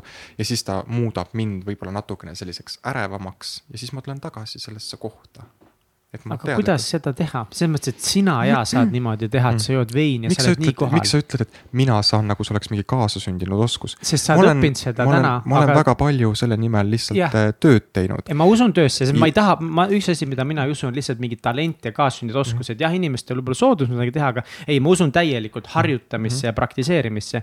mida ma tahtsin öelda, pigem on nagu see, et et äh, inimene, ütleme siis niimoodi, mitte ainult sina, kõik, kes on piisavalt palju harjutanud ja tegelenud ja lugenud, saavad täna olla siin niivõrd kohal võib-olla, aga nagu näiteks kui näiteks mind võtta, kes ei ole seda nii palju veel praktiseerinud ja, ja mõte käib räigelt palju ringi, siis kas see ei ole väga hea algus, et alustada kakskümmend minutit, no mitte pikali, ma ei ole kunagi kuulnud seda veel. sa peaksid nagu... meditatsiooni tegema aktiivseks. mis see tähendab? kõige paremad aktiivsed meditatsioonid on Osho meditatsioonid. mis asjad, sorry? Osho meditatsioonid. Osho, jah mm. -hmm. nii. ma ei sallinud seda meest väga pikka aega, ta tungis minu ellu täiesti julmalt eh, ma ei sallinud teda, ta oli vastik minu jaoks, ta oli minu jaoks lihtsalt ebameeldiv. Ja minu jaoks hakkas see ebameeldivus tulema minu ellu sellest hetkest, kui ma läksin neli aastat tagasi või kolm aastat tagasi Taisse esimest korda. ja ma olin krabil õhtul pikali maas, ma vaatasin tähti ja pilvedest moodustus Buda pea detailideni, mul on isegi sellest pilt olemas, mu sõbrad, ma kutsusin sõbrad vaatama, ütlesin, see ei ole praegu juhus. ja sinna maale minek oli minu jaoks nagu initsiatsioon Buda energiasse, teadval olekusse, ärkvel olekusse. Buda tähendab teadlikkus Sorba üks teine ülestusmeister tähendab armastust. Need kaks peavad olema ühes.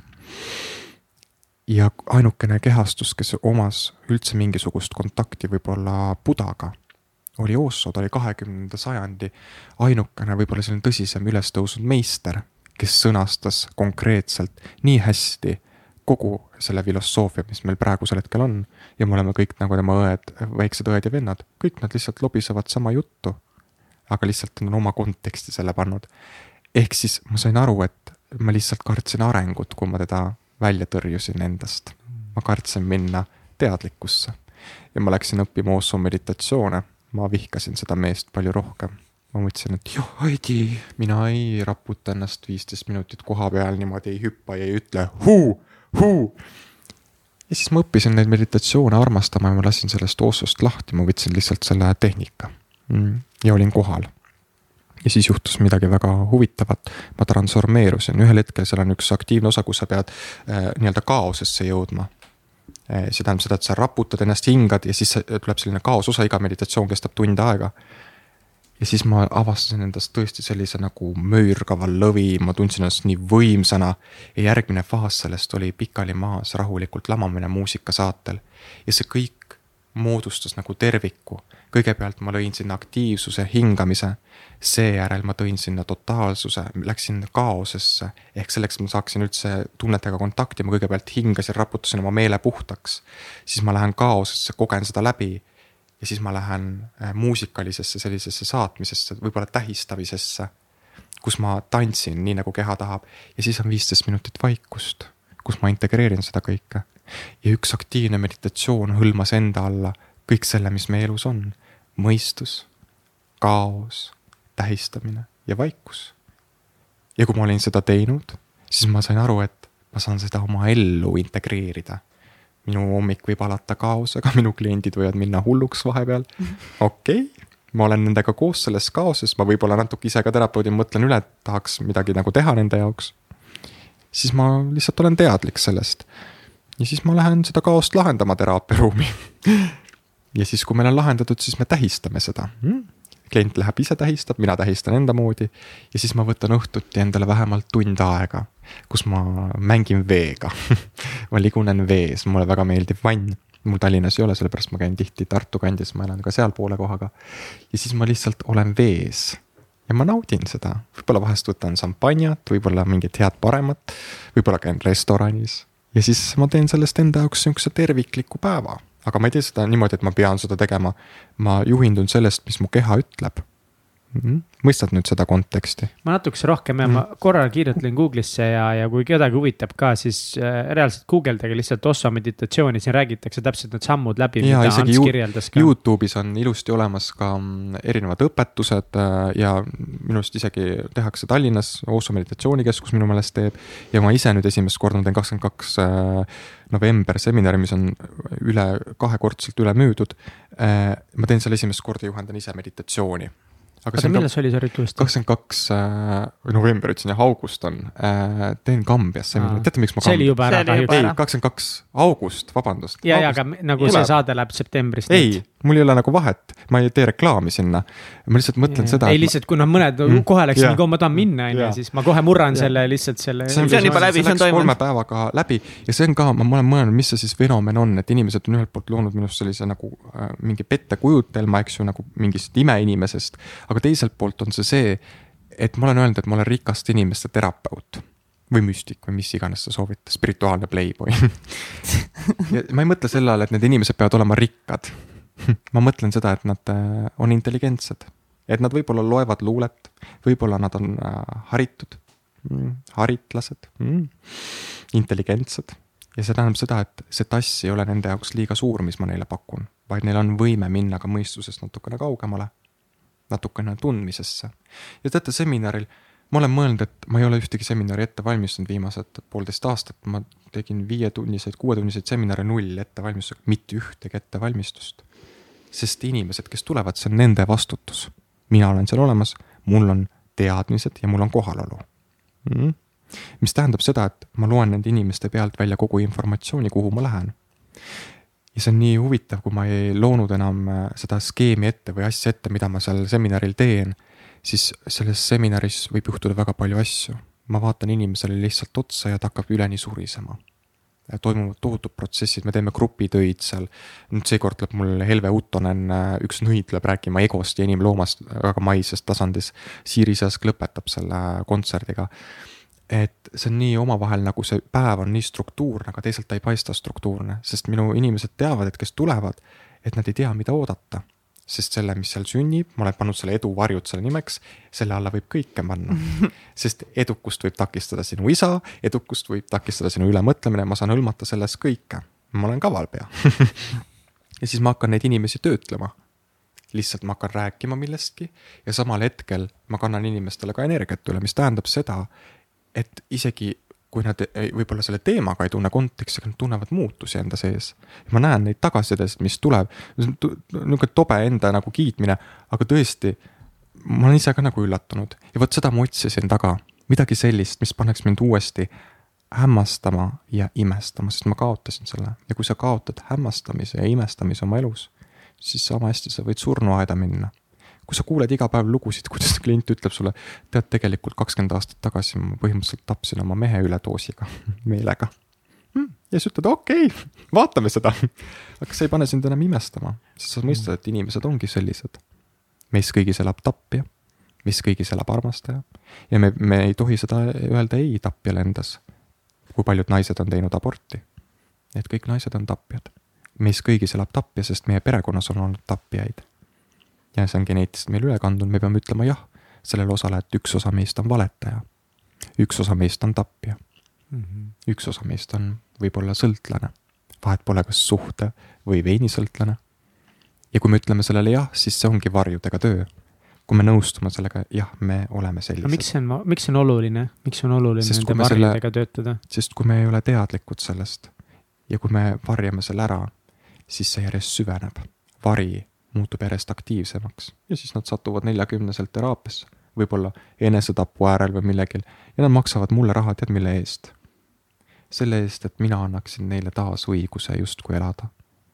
põhimõtteliselt sellepärast, et kui ma teen selgeks talle, et sa ei ole võib-olla nii palju süüdi, et sa lihtsalt oledki nagu tapja olnud. nagu mingis mõttes ma ei mõtle nüüd, et ta otseselt kedagi on ära mõrvanud, aga lihtsalt see nagu konteksti mõttes mm. -hmm. siis ta saab aru, et jah, et ei olegi olemas neid patte nii palju et ma olen küll maitsenud vilju hea ja kurja puust, aga mul on siiski õigus elada. aga ma pean talle seda meelde tuletama, ta maksab mulle teinekord selle eest kakssada viiskümmend eurot.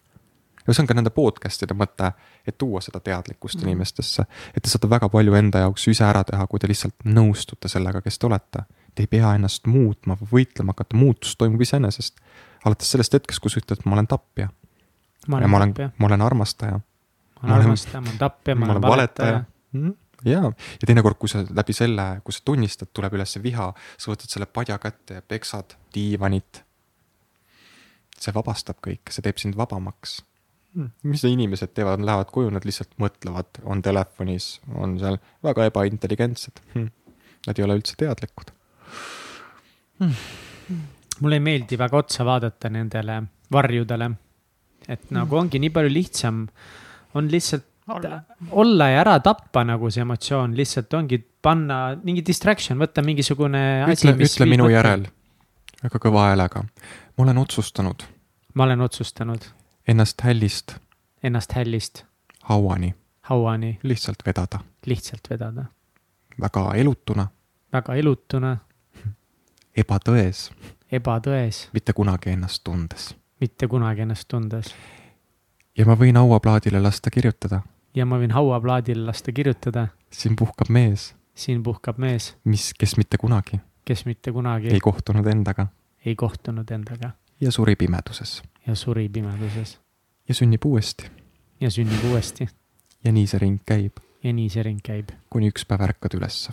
kuni üks päev ärkad üles. ja siis sa saad aru. ja siis ma saan aru. ma ei sure mitte kunagi. ma ei sure mitte kunagi. isegi siis. Isegi siis. kui mu keha põletatakse. kui mu keha põletatakse. või vaglad ära söövad või vaglad ära söövad mõistad seda mõtte sügavust? ja nagu poole peal ma tahtsin juba lõpetada, sest see oli nii kole mõte mm,. vaata sest see tõi sinus valu ülesse, paned tähele mm? -hmm. see oli intensiivne praegu mm. -hmm. Ah, inimesed ütlevad, et minu kursused või teraapia on intensiivne, vahepeal nad isegi süüdistavad mind selles. mida, millest te räägite? näete, tähistame seda tunnet, mis üles tuli, ütleme sellele jah. Aga kui ma ütlen inimesed, kui need, kui need inimesed ütlevad, et see on liiga intensiivne, siis ma küsin neilt vastu mis, mis intensiivsusest te räägite, teie esivanemad küüditati, nad mm. pidid käima sõjas, neid vägistati mm. -hmm. mis intensiivsusest te, kullakesed, räägite? see siin ei ole intensiivne, see pole pooltki intensiivne hmm inimesed on lihtsalt natukene ära hellitatud. oi väga, meie siin meie siin oleme nii ära hellitatud, et see on lihtsalt rets nagu. ega mis värk sellega on, et, et me kardame lihtsalt emotsioone, me mingi kardame öelda välja raskeid asju, sest see on raske, mis asja noh. ma võin öelda. mis tussud me tead, kõik oleme. inimestele ka koolitusel öelnud, teate, ma võin paista väga kena inimene, sest see metoodika teeb mind väga kenaks aga tegelikult ma võin olla ka räige sitapea, ma ütlen sellele jah. sest pange tähele üks poejuhataja. tema käis ühel kursusel ja ta äh, tõusis püsti, ta pidi kõigi ees ütlema, mis on tema suurim vari ja ta tahtis öelda, et ta on noh, väga tore inimene ja ta juhendab väga paljusid inimesi. ja siis üks inimene teadis teda tegelikult ja siis, kui ta hakkas rääkima, siis teine naine tõusis püsti, ütles. sa oled räige bitch saad aru? see naine pärast ütles, et mina teadsin seda, aga kust see naine teadis see näitabki seda, kui palju me tahame olla nii kenad ja ilusad, aga mm., aga kui me julgeme partnerlussuhtes kasvõi julgeme äh, panna paika sellised piirid või kokkulepped, et kui mul on raske, siis ma võin muutuda sinu peale vihaseks. aga mis partnerlussuhtes juhtub, kui mina tahan rääkida millestki ja teine partner kardab seda valu, mis sellest võib tekkida, siis ta tõmbab kinni mm, -hmm. ta on lukku, eks ju. ja nüüd muutun mina automaatselt vihaseks, sest partner kas kadus ära või läks lukku ma ei saa temaga dialoogi pidada, mis tähendab seda, et ma jään kõigega üksi mm.. partnerlussuhtes ma ei tohiks jääda sellega üksi, ma peaks saama intelligentselt arutada inimesega. ma ei tea, miks see nii on. et sellepärast ma mõtlengi, et need partnerid tapavad ennast niimoodi ära, kui nad ei räägi ka veel jah, sest äh, me nagu kardame rääkida rasketest asjadest, me kardame teha haiget teisele mm., ma tean, et mina nagu kartsin väga rasketest asjadest rääkida, sellepärast et justkui see teeb haiget, äkki talle ei meeldi see vastus, äkki ta nüüd murdub sellepärast, et ta kuuleb mingeid raskeid sõnasid või mõtteid. ma panin, ma panin üks päev äh, Insta story'sse korraks video lihtsalt sellest, kuidas abort välja näeb lihtsalt meelega, et inimesi, kellel on abort, et neid mm -hmm. aktiveerida, et nad tunneks seda valu endas, et nad tegeleks sellega. vastutuse koht. tead, kui palju emasid kirjutas mulle, minul emana on seda väga raske vaadata, mida sa sinna postitasid mm. -hmm ma ütlesin, okei okay,, palun vaadake seal, ma isegi ei vastanud neile, see on nende enda isiklik vastus, ma võtsin muidugi selle maha, ma sain aru, et inimesed on väga õrnad või haavatavad. ja see peab muutuma väga kiiresti. mind tahab nii kettasse see, et üldiselt nagu ühiskonnas me oleme kuidagi nii nagu ongi nii nagu, nii kergesti solvume. tead, miks mulle EKRE meeldib või? mitte nende poliitika yeah., ei kaugel sellest yeah., see on väga palju vastandumist ja võitlemist yeah.. aga mulle meeldib seda, et vaadake, Martin Helme, see on see noorem, see vanem mm -hmm. Helme nagu poeg mm. -hmm. see on tuleelement, ta on väga kirglik nagu kuum hot dog ja Jüri Ratas oli ju veeelement pange tähele, kuidas süsteem ja elemendid toimivad omavahel.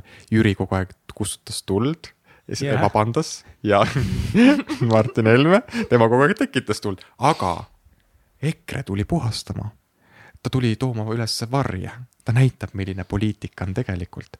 Nad kõik seal fraktsiooni ruumides mm -hmm. räägivad nii nagu EKRE ja siis nad ütlevad, et oi-oi, te, te olete nagu liiga noh, ei ole nagu parketikõlbulised, eks ju, mis iganes tegelikult nad on kõik täpselt samasugused. Selle, sellega ma nõustun sada protsenti. sellepärast, sellepärast ma nimetan neid äh, loomaaiaks et sest nad on inimloomad.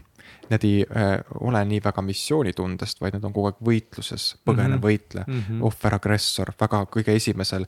meie valitsus töötab kõige esimesel arengutasemel, ohver, agressor, päästja kangelasi on poliitikas vähe, sest ohvritest peaks saama alati kangelane. ainukene kangelane, keda mina poliitikas tean, on Marju, mitte Marju Lauristin, ei, Marju Lauristin on tore tädi äh,. Kes on see Marina Kaljurand tõesti väga intelligentne, väga tark, ma olen temaga kohtunud, rääkinud ühte, enne ühte saadet. mulle väga meeldib tema tasakaalutus, ta ei lähe kunagi konflikti. ta mm -hmm. ütleb, ta teeb inimesele selgeks, et ta on lihtsalt rumal läbi sõnade temas on kõrgem intelligentsus, ta ei lähe draamaga kaasa mm. -hmm. mitte nagu Kaja Kallas, kes meil juhib valitsust, kes natuke tunneb ennast solvatuna kogu aeg ja nii edasi ja läheb selle õnge ja neelab need konksud alla. ma arvan, et ta ei ole sellises kriisis, ma pidasin Reformierakonda väga tugevaks äh, kriisijuhtijaks. Kaja näol ma seda ei näe Äh, esiteks tal puudub karisma juhina. Arvad või? absoluutselt, tal on, äh, tema, tal on väike energiapotentsiaal ja mulle tundub, et ta teeb midagi südametunnistuse tasakaalustamiseks, ma ütlesin ka seda ava, mm. aasta alguse saates. midagi ta tasakaalustab ja see võib lõppeda tema poliitilise hukuga me ei tea, mida sügis toob mm. -hmm. aga, aga ma, ma ei ole nagu tema vastu meelestatud, lihtsalt mulle tundub, et ta nagu hädas seal lihtsalt, me, me langeme kohe väga keerulisse kriisi tõenäoliselt. ja mm, -hmm. ja sealt nagu välja tulla, kus maailma majandus võib kokku kukkuda.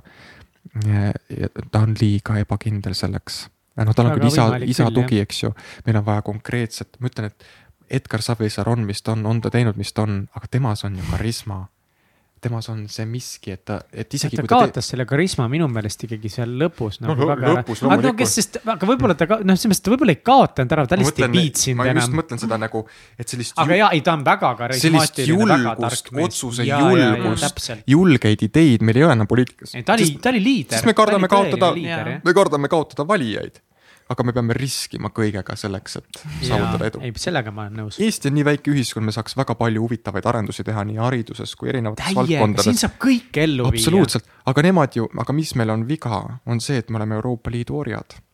ma ei ole Euroopa Liidu mm -hmm. vastane, ärge mõistke mind hukka mm, -hmm. aga lihtsalt kui äh, meil kutsutakse ministreid sinna kabinettidesse, kui meil on Euroopa Liit rahaga ikkagi mängib, et aga kui te seda otsust vastu ei võta, siis raha lihtsalt ei saa. aga ilma aga Euroopa oleme... Liiduta me ka ei saaks. absoluutselt, aga siis ongi see, et me olemegi kõik omadega perses, vabandust väljenduse eest. jah, tõsi, tõsi, väga palju väga keerulisi ummikseise on küll, jah. et ei pea millegi vastu võitlema, ei koroona vastu ähm,. demokraatia, ma ei tea, kas seda sõna võib enam suhu võtta, sest demokraatia on kadunud alates sellest hetkest ma ei ole vaktsiinide vastane, absoluutselt mitte aga meile sunnitakse peale, meil kaotatakse töökohti, meid lastakse lahti, kui me ei vaktsineeri. mis juutidega juhtus? juutidega samamoodi, alguses neil ei lubatud pargipingi peal istuda, siis ei mm -hmm. lubatud äh, äh, ujulas käia, koorilaulus osaleda, lõpuks nad visati ahju mm. -hmm. alguses eh, no, inetumatesse, pärast moodsamatesse. ma olin hästi kriitiline selliste näidete pihta, nagu sa praegu tegid, et see nagu vaata, see on hästi lihtne on kohe öelda, et issand, et see on nii äärmuslik mm -hmm. näide, et see üldse kuidagi ei päde ma kuulasin, kõigile soovitan nii hullult äh, Yeon Mi või mis, ei, ma ütlen valesti nüüd, seal on üks väga kuulus naine, kes on praegu käinud Joe Roganis äh,, äh Jordan Petersonis äh,, kõikides maailmakuulsates podcast'is, ta on Põhja-Korea põgenik. Ja ta tohutult huvitav saade, kus ta räägib Põhja-Koreast, põgenemisest, oma tohutult raskest elust, ei kujuta ette ka, mis on päriselt raskus. ja seal saate lõpus nad Joe Roganiga räägivad ka just täpselt sellel nagu teemal, et et kui raske tasakaal on just selle et noh, kui ka-, kui kaugel on, kui kaugel mm -hmm. ja, ja üks, üks huvitav lause lihtsalt nagu ilma kontekstita, võib-olla raske aru saada, aga ta ütles, et. et ikkagi, et nagu inimeste kõige suurem oht läbi ühiskonna alati on olnud eh, government ehk riik, et mitte keegi ei ole maailmas inimestele nii palju tämmi teinud kui on valitsus teinud. samal ajal ka keegi ei ole maailmas nii palju heaolu loonud, kui valitsus suudab teha, aga, aga. Nemad räägivad meile, mis on õige, mis on vale, ise veavad kilekottidega raha endal parteikassasse. Nad muudkui ise petavad ja valetavad hommikust õhtuni meile näkku. no ma ei ole sellega nõus, et kõik hommikust õhtuni, see on ka aga, liiga üldistamine. võib-olla liiga. see on liiga üldistamine okay, mulle ei meeldi okay. üldistamine okay., ma, ma vihkan üldistamisi, aga ma arvan, et tõesti siiski, peab olema kriitilisem. aga siiski me peame olema äh, kriitiline, sellepärast et me ei näe seal väga palju ikkagi absoluutselt nagu sellist nagu inimestele tõe rääkimist, räägitakse pooltõdesid, vassitakse, segatakse jälgi, pannakse kedagi vastutama, kes võib-olla ei peaks üldse ja. vastutama. et kogu aeg on nagu tagajärgede likvideerimine, aga keegi ei suuda suuda nagu ennetada, sest meil polegi sellist ressurssi üldse või mõtlemisvõimet, mulle tundub, et ennetada neid olukordi mm. -hmm. ja kui me räägime, et kujutad ette, ma mõtlesin lihtsalt üks päev selle peale, meile valitsus ütleb, et vaktsiin on turvaline. ja ta valetab, tead miks? ei tea. sest väga paljud inimesed on surma saanud väga paljud inimesed. see on jällegi nagu see on defineerimise küsimus, et ütle väga, mis on väga palju, et minu arust see on numbrite Piis, kontekst. piisab juba, kui kahest-kolmest on keegi surma saanud. aga, aga samas Oot, see on jällegi. oota, kuula nagu... mu mõtte lõpuni okay.. meil on seal kõrvalnähud, mida perearst isegi ei uuri, vaid laseb sul mm -hmm. nendes nii-öelda olla. vaktsiin, need tulemused selguvad viie aasta pärast. nõus. ja kõik oleks okei okay,, kui nad teeks seda täiskasvanutele, aga nad lähevad laste kallale mm. -hmm ja me ei tea, seda vaktsiini on nii vähe lõpuni uuritud. Seal ei ole lõplikku ju neid tulemusi käes, seal on ainult esialgne see, et võib jah teha inimestele, aga lõplikud uuringud ei ole teha. et see on ju tegelikult on see, me oleme patiseisus või sellises ohtlikus seisus, meil ei ole muud varianti, me peame vaktsineerima, muidu lihtsalt koroona võtab nagu meid üle, eks ju. ja siis surevadki väga palju inimesed ära see on väga raske ja, sest aga nagu ühtepidi nagu ma olen sellega nõus, et koroona nagu... tapab nagu rohkem inimesi ära, aga samal ajal aga ei ma ei ole fundamentaalselt lõpuni ikkagi tõesti sellega nõus, et. et, et noh, meid saab sundida nagu otseselt niimoodi tegema, et see on nii raske, sest on, see on nii raske olukord. siis on demokraatia surnud. aga teistpidi jällegi, siis tuuakse nagu nii palju neid väga häid näiteid, et ju me ei luba ju sõita, me ei luba mingi relva osta suvalisel inimesel. meil, meil on nii palju näiteid Uskuge vaktsiinidest, mis on mm. haigusi ära äh, nagu yeah. ära hävitamas, on inimesi laastanud mm. smallpox, tuulerõuged, mis samas äkki ja nii edasi, et noh. aga see on nii kuradi keeruline küsimus mm ja, ja see ongi keeruline küsimus. lihtsalt äh, mõte oli selles, et nad ei saa sundida. meil ja. peab jääma kõige püham asi, mis on elus, on vaba tahe kui meilt vaba tahe võetakse ära, siis äh, ma olen välja tõrjutud ja ma kolin metsa. aga kuidas sa selgitad mm -hmm. nagu, kuidas sa seda pointi nagu jällegi selgitad, et kui sul on vaba tahe purjus peaga sõita? vaba tahe, see on minu vastutus. aga see ju ei ole, see on ju keelatud ja me kõik oleme ühiskonnana selle poolt, et see on okei okay,, et me ei luba ühiskonnaliikmetel purjus peaga autoga sõita. ja, vaata ühiskonnas on kokku lepitud mingisugused normid ja reeglid mm, -hmm. mida me peame järgima selleks mm, -hmm. et seda loomaaeda ohjeldada, sest yeah, inimene on nagu mingis mõttes on nagu loomsel tasandil. muidugi oleme loomad. ja, et selleks, et äh, suudaksime seda ohjeldada, aga ma arvan, et äh, vaktsiin ei ole midagi sellist mis peaks. et see ei võrdu nagu selle sama asjaga. ühiskonna norm, nagu see ei ole norm, et see on meditsiinilise äh, asi, mis puudutab sinu enda isiklikku tasandit, jah, alkoholi joobimine äh, puudutab ka, eks ju, aga meil on kollektiivsed nagu baas nagu meil on vabadused, eks ju, meil on mingid inimõigused mm, -hmm. mis on määratletud, meil on mingisugused elementaarsed põhiseadused, reeglid, et ühiskond saaks toimida mm. -hmm. aga kui minnakse inimvabaduste kallale aga no siin ongi see, et kes see nagu siis need defineerib inimvabadust, see luuakse... ongi täpselt sama asi, see on inimvabadus sõita purjus peaga. Ei, ma räägin sellest, et konkreetselt vaktsiini ja selle nii-öelda purjus sõitmise juhul on ju vahe sees, et meil on kokku kokku lepitud, meil lendas vesi laiali. see vett läks. me ei peaks sellest teemast rääkima. lihtsalt asja, ei, ma arvan, et see on oluline teema, millest rääkida. selles mõttes see Egert kohe tuleb. aga selle teema ah,, aga thanks, see ongi ju see, kas klaas on pooltühi või pooltäis. su klaas jäi pooltäis. see tähendab seda, et selle teema ümber võib lõpp, lõpmatuseni arutada, lõpmatuseni vaielda. aga ma arvan, et see ei loo mitte mingisugust väärtust aga äkki peab vaidlema selle teemal, vaidlemine on ju demokraatia üks äh, alustalasid. vaidlemine, mis on jällegi, kui me rääkisime enne sellest. vabadus mi... ja vähemuste toetamine on vabadus demokraatia, on, on demokraatia põhiolemus. Meil ei ole enam demokraatiat. ja võib-olla küll jah, aga vaidlema peab, sest minu arust probleem on see, et inimesed ei oska vaielda enam, et kui meil oleks siin mõni hull vaktsiinivastane ja mingi tohutu vaktsiini toetaja, siis see vestlus oleks ammu perse läinud. mina oleks sind perse saatnud, sina oleks mind perse saatnud. mina ei arva, et vaktsiinide vastu peab vastasust ja, üldse näitama. et, et ma arvan, see peab olema lihtsalt vaba tahtega kooskõlas, et, et ma teen. mina arvan, et me peame suutma rääkida selle teema niimoodi üksteist vihata. täpselt, me peame arutlema. arutlema lihtsalt nagu sina räägid enda seisukohad, ma kuulan mm. ära, ma ja. mõtlen mm -hmm. ja siis ma lasen sul rääkida mm. enda arvamust ja see, kes kuulab, saab nagu mingeid mõlemalt poolt mingeid pointe, tema saab ise võtta nagu enda enda otsuse vastu. see on mega hea test jälle inimkonnale, sest see on niivõrd kuum teema, see on niivõrd nagu põletav teema, et, et see on just hea sihuke katsetus, et davai, proovime rääkida vaktsineerimisest. väga eest... äärmuslikes mõistetest, nii et me ei lähe tülli. ma teen siin stopi. Nad leidsid lihtsalt uue duaalsuse. varem me vastandusime lihtsalt venelastele jah aga miks me ei suuda rääkida sellistest rasketest teemadest sõbralikult? valitsus toimib väga esimesel arenguastmel ohver-agressor päästja mm. -hmm. me ise valime valit-, noh, riigikogu, kes valib valitsuse, mis mm -hmm. tähendab seda, et me valime vastavalt oma arengule, vastavalt oma arengule poliitikud. me esindame ühiskonda ja tead, poliitika on niivõrd mingis mõttes äh, räpane mm -hmm. ja niivõrd äh, täis saladusi, petmisi, kindlasti ka on seal häid asju, mis tehakse aga me ei tea kunagi lõplikku tõde mm. -hmm. ja ma arvan, et väga rumal on minna vastandumisesse või lõputusse arutelusse, kui sellest sõltub nii väike osa, kui juba otsus on tehtud. et me vaktsineerime kogu maailma, mida me arutame? me võime siis, kui me. aga arutada kui, peab või peab saama arutada. ja kui meilt võetakse ära igasugune vabadus, ka neid, kes ei ole vaktsiine teinud, siis ma arvan, sellel hetkel juhtub maailmas midagi olulist, ma arvan, me näeme kodusõdasid suurtel maadel ja ma ei välista ka Eestis. sellist hetke, kus inimesed tulevad tänavale, öeldakse, et me ei ole enam nõus. me ei ole nõus, et valitsus ütleb mulle, et ma pean süsti tegema, õla alla panema, vaid ma teen selle otsuse ise, kui see on läbi kaalutletud, kui ma tunnen, et mul on seda vaja. Mm -hmm..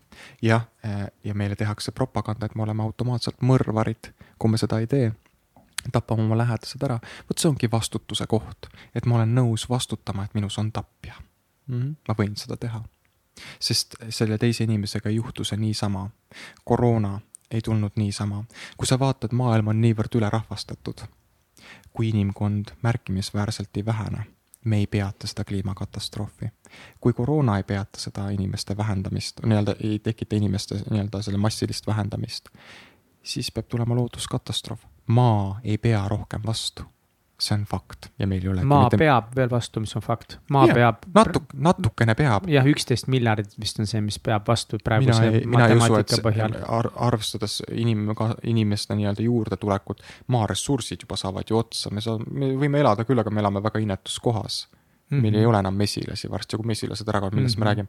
ma nägin see suvi mm -hmm. nelja mesilast. varem on puud täis olnud mesilasi. see oli minu jaoks hirmukoht ma tõesti mm. tundsin hirmu, et mis juhtunud on. mesilasi ei ole ühegi puu peal enam. ma nägin nelja mesilast ja kui ma selle äkki peale... oli bad luck lihtsalt hmm.? Ei, varem on ju olnud ja kui ma mõtlesin ühel hommikul mesilaste peale, siis ma tegin akna lahti ja minu aknalaua peale lendas mm. mesilane ja siis ma mõtlesin, kõik ei ole veel läbi nii ilus mõte, kõik ei ole veel läbi. ta oli väga uimane, ta oli nagu peolt tulnud. kuule, aga läheme korra tagasi selle teema juurde, et millega sa saad. ma ei taha rääkida rohkem vaktsiinidest. ja ma mõtlen, ja, ja, ja ma lähemegi järgmisesse üldse kategooriasse. mul on tunne, et see intervjuu on lõppenud ei, aga ma, ei kindlasti ma loodan, et see ei ole veel lõppenud, see saade siiski siiski intervjuu on lõppenud, aga saade mitte. ja, aga saade alles algab, sõbrakesed. et eh, kui sa saate alguses eh, rääkisid enda, enda lapsepõlvest ja nendest eh, võib-olla müstilistest kogemustest, mis sinus sellist hirmu tekitasid, et noh, ma usun, et sa oled nüüd tagasi vaadanud sellele, et mis sa, mis sa siis oled avastanud, et mis, kes need olendid olid ja mis, mis nad siis tulid sulle näitama? mis see teadmine annab, kust sa saad teada? põnev on hm,. Põnev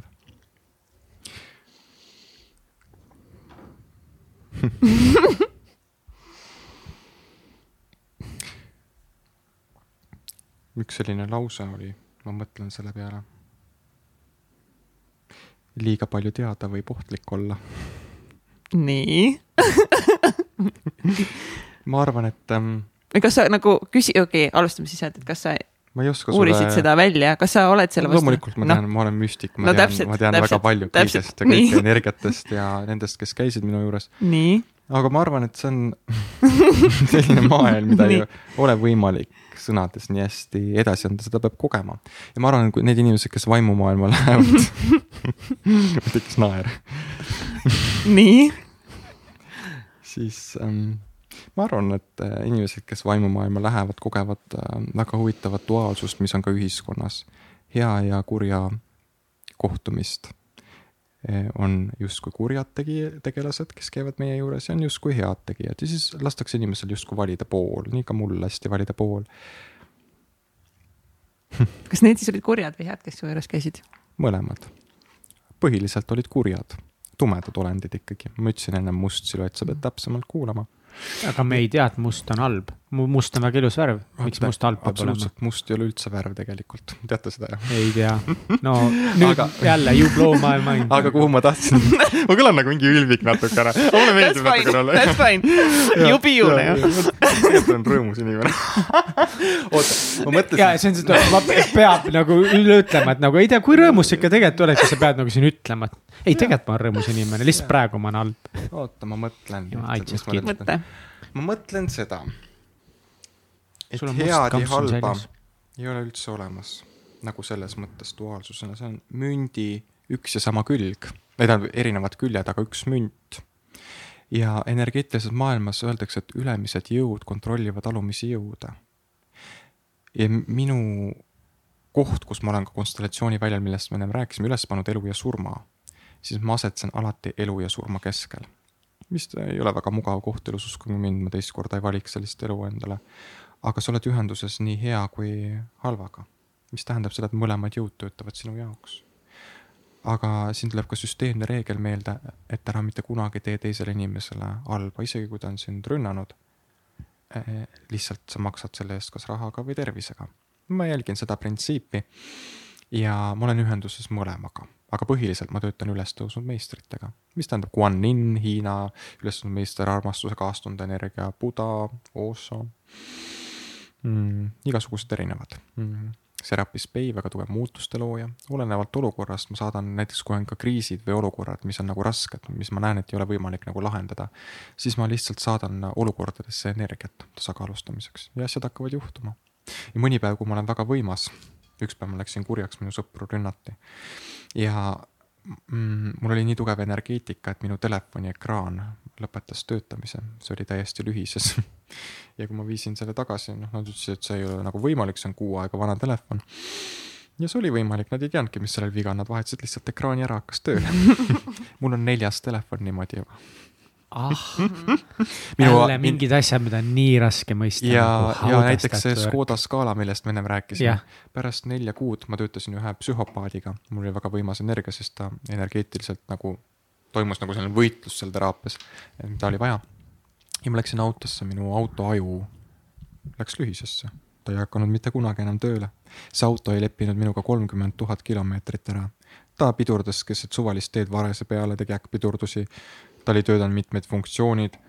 Öeldi kogu aeg, et kõik on korras, senikaua, kuni lihtsalt see aju läbi põles. siis ma ütlesin, nüüd me oleme teinud rahu aju suri ära. ütlesin, ma müün su raisk maha, kui sa rohkem ei tööta ja ta uskus mind ja ta mitte kunagi enam ei streikinud autodele on ka hea panna selline, me saame hingestada mitmeid asju teadvus ise hingestada. vaadake, ma tulen koroona juurde tagasi. me panime alguses koroona välja peale välja konstellatsiooni välja peale, see oli imepisikene. meedia seisis tooli peal.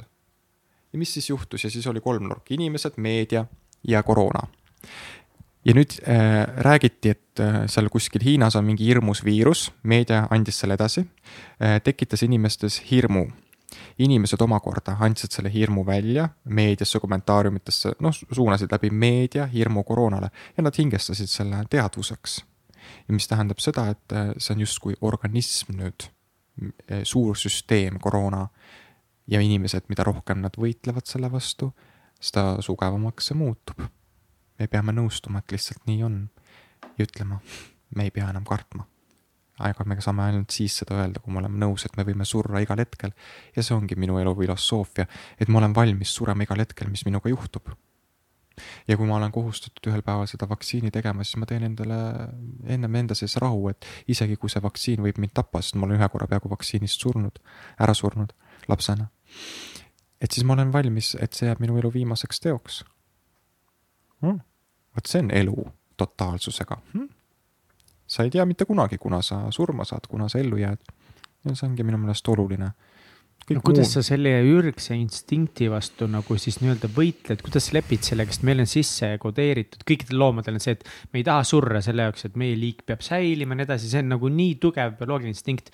ja, ja samas see jällegi noh, see nagu kontrollib liiga palju inimeste elusid tänapäeval, see hirm surma ees on nagu. sellepärast. see on häiriv juba, see segab meie elu. sellepärast nad ongi nii juhitavad ja sellepärast yeah. valitsused ongi kõige kurjemad inimesed, sest inimesed ise vastutavad selle eest.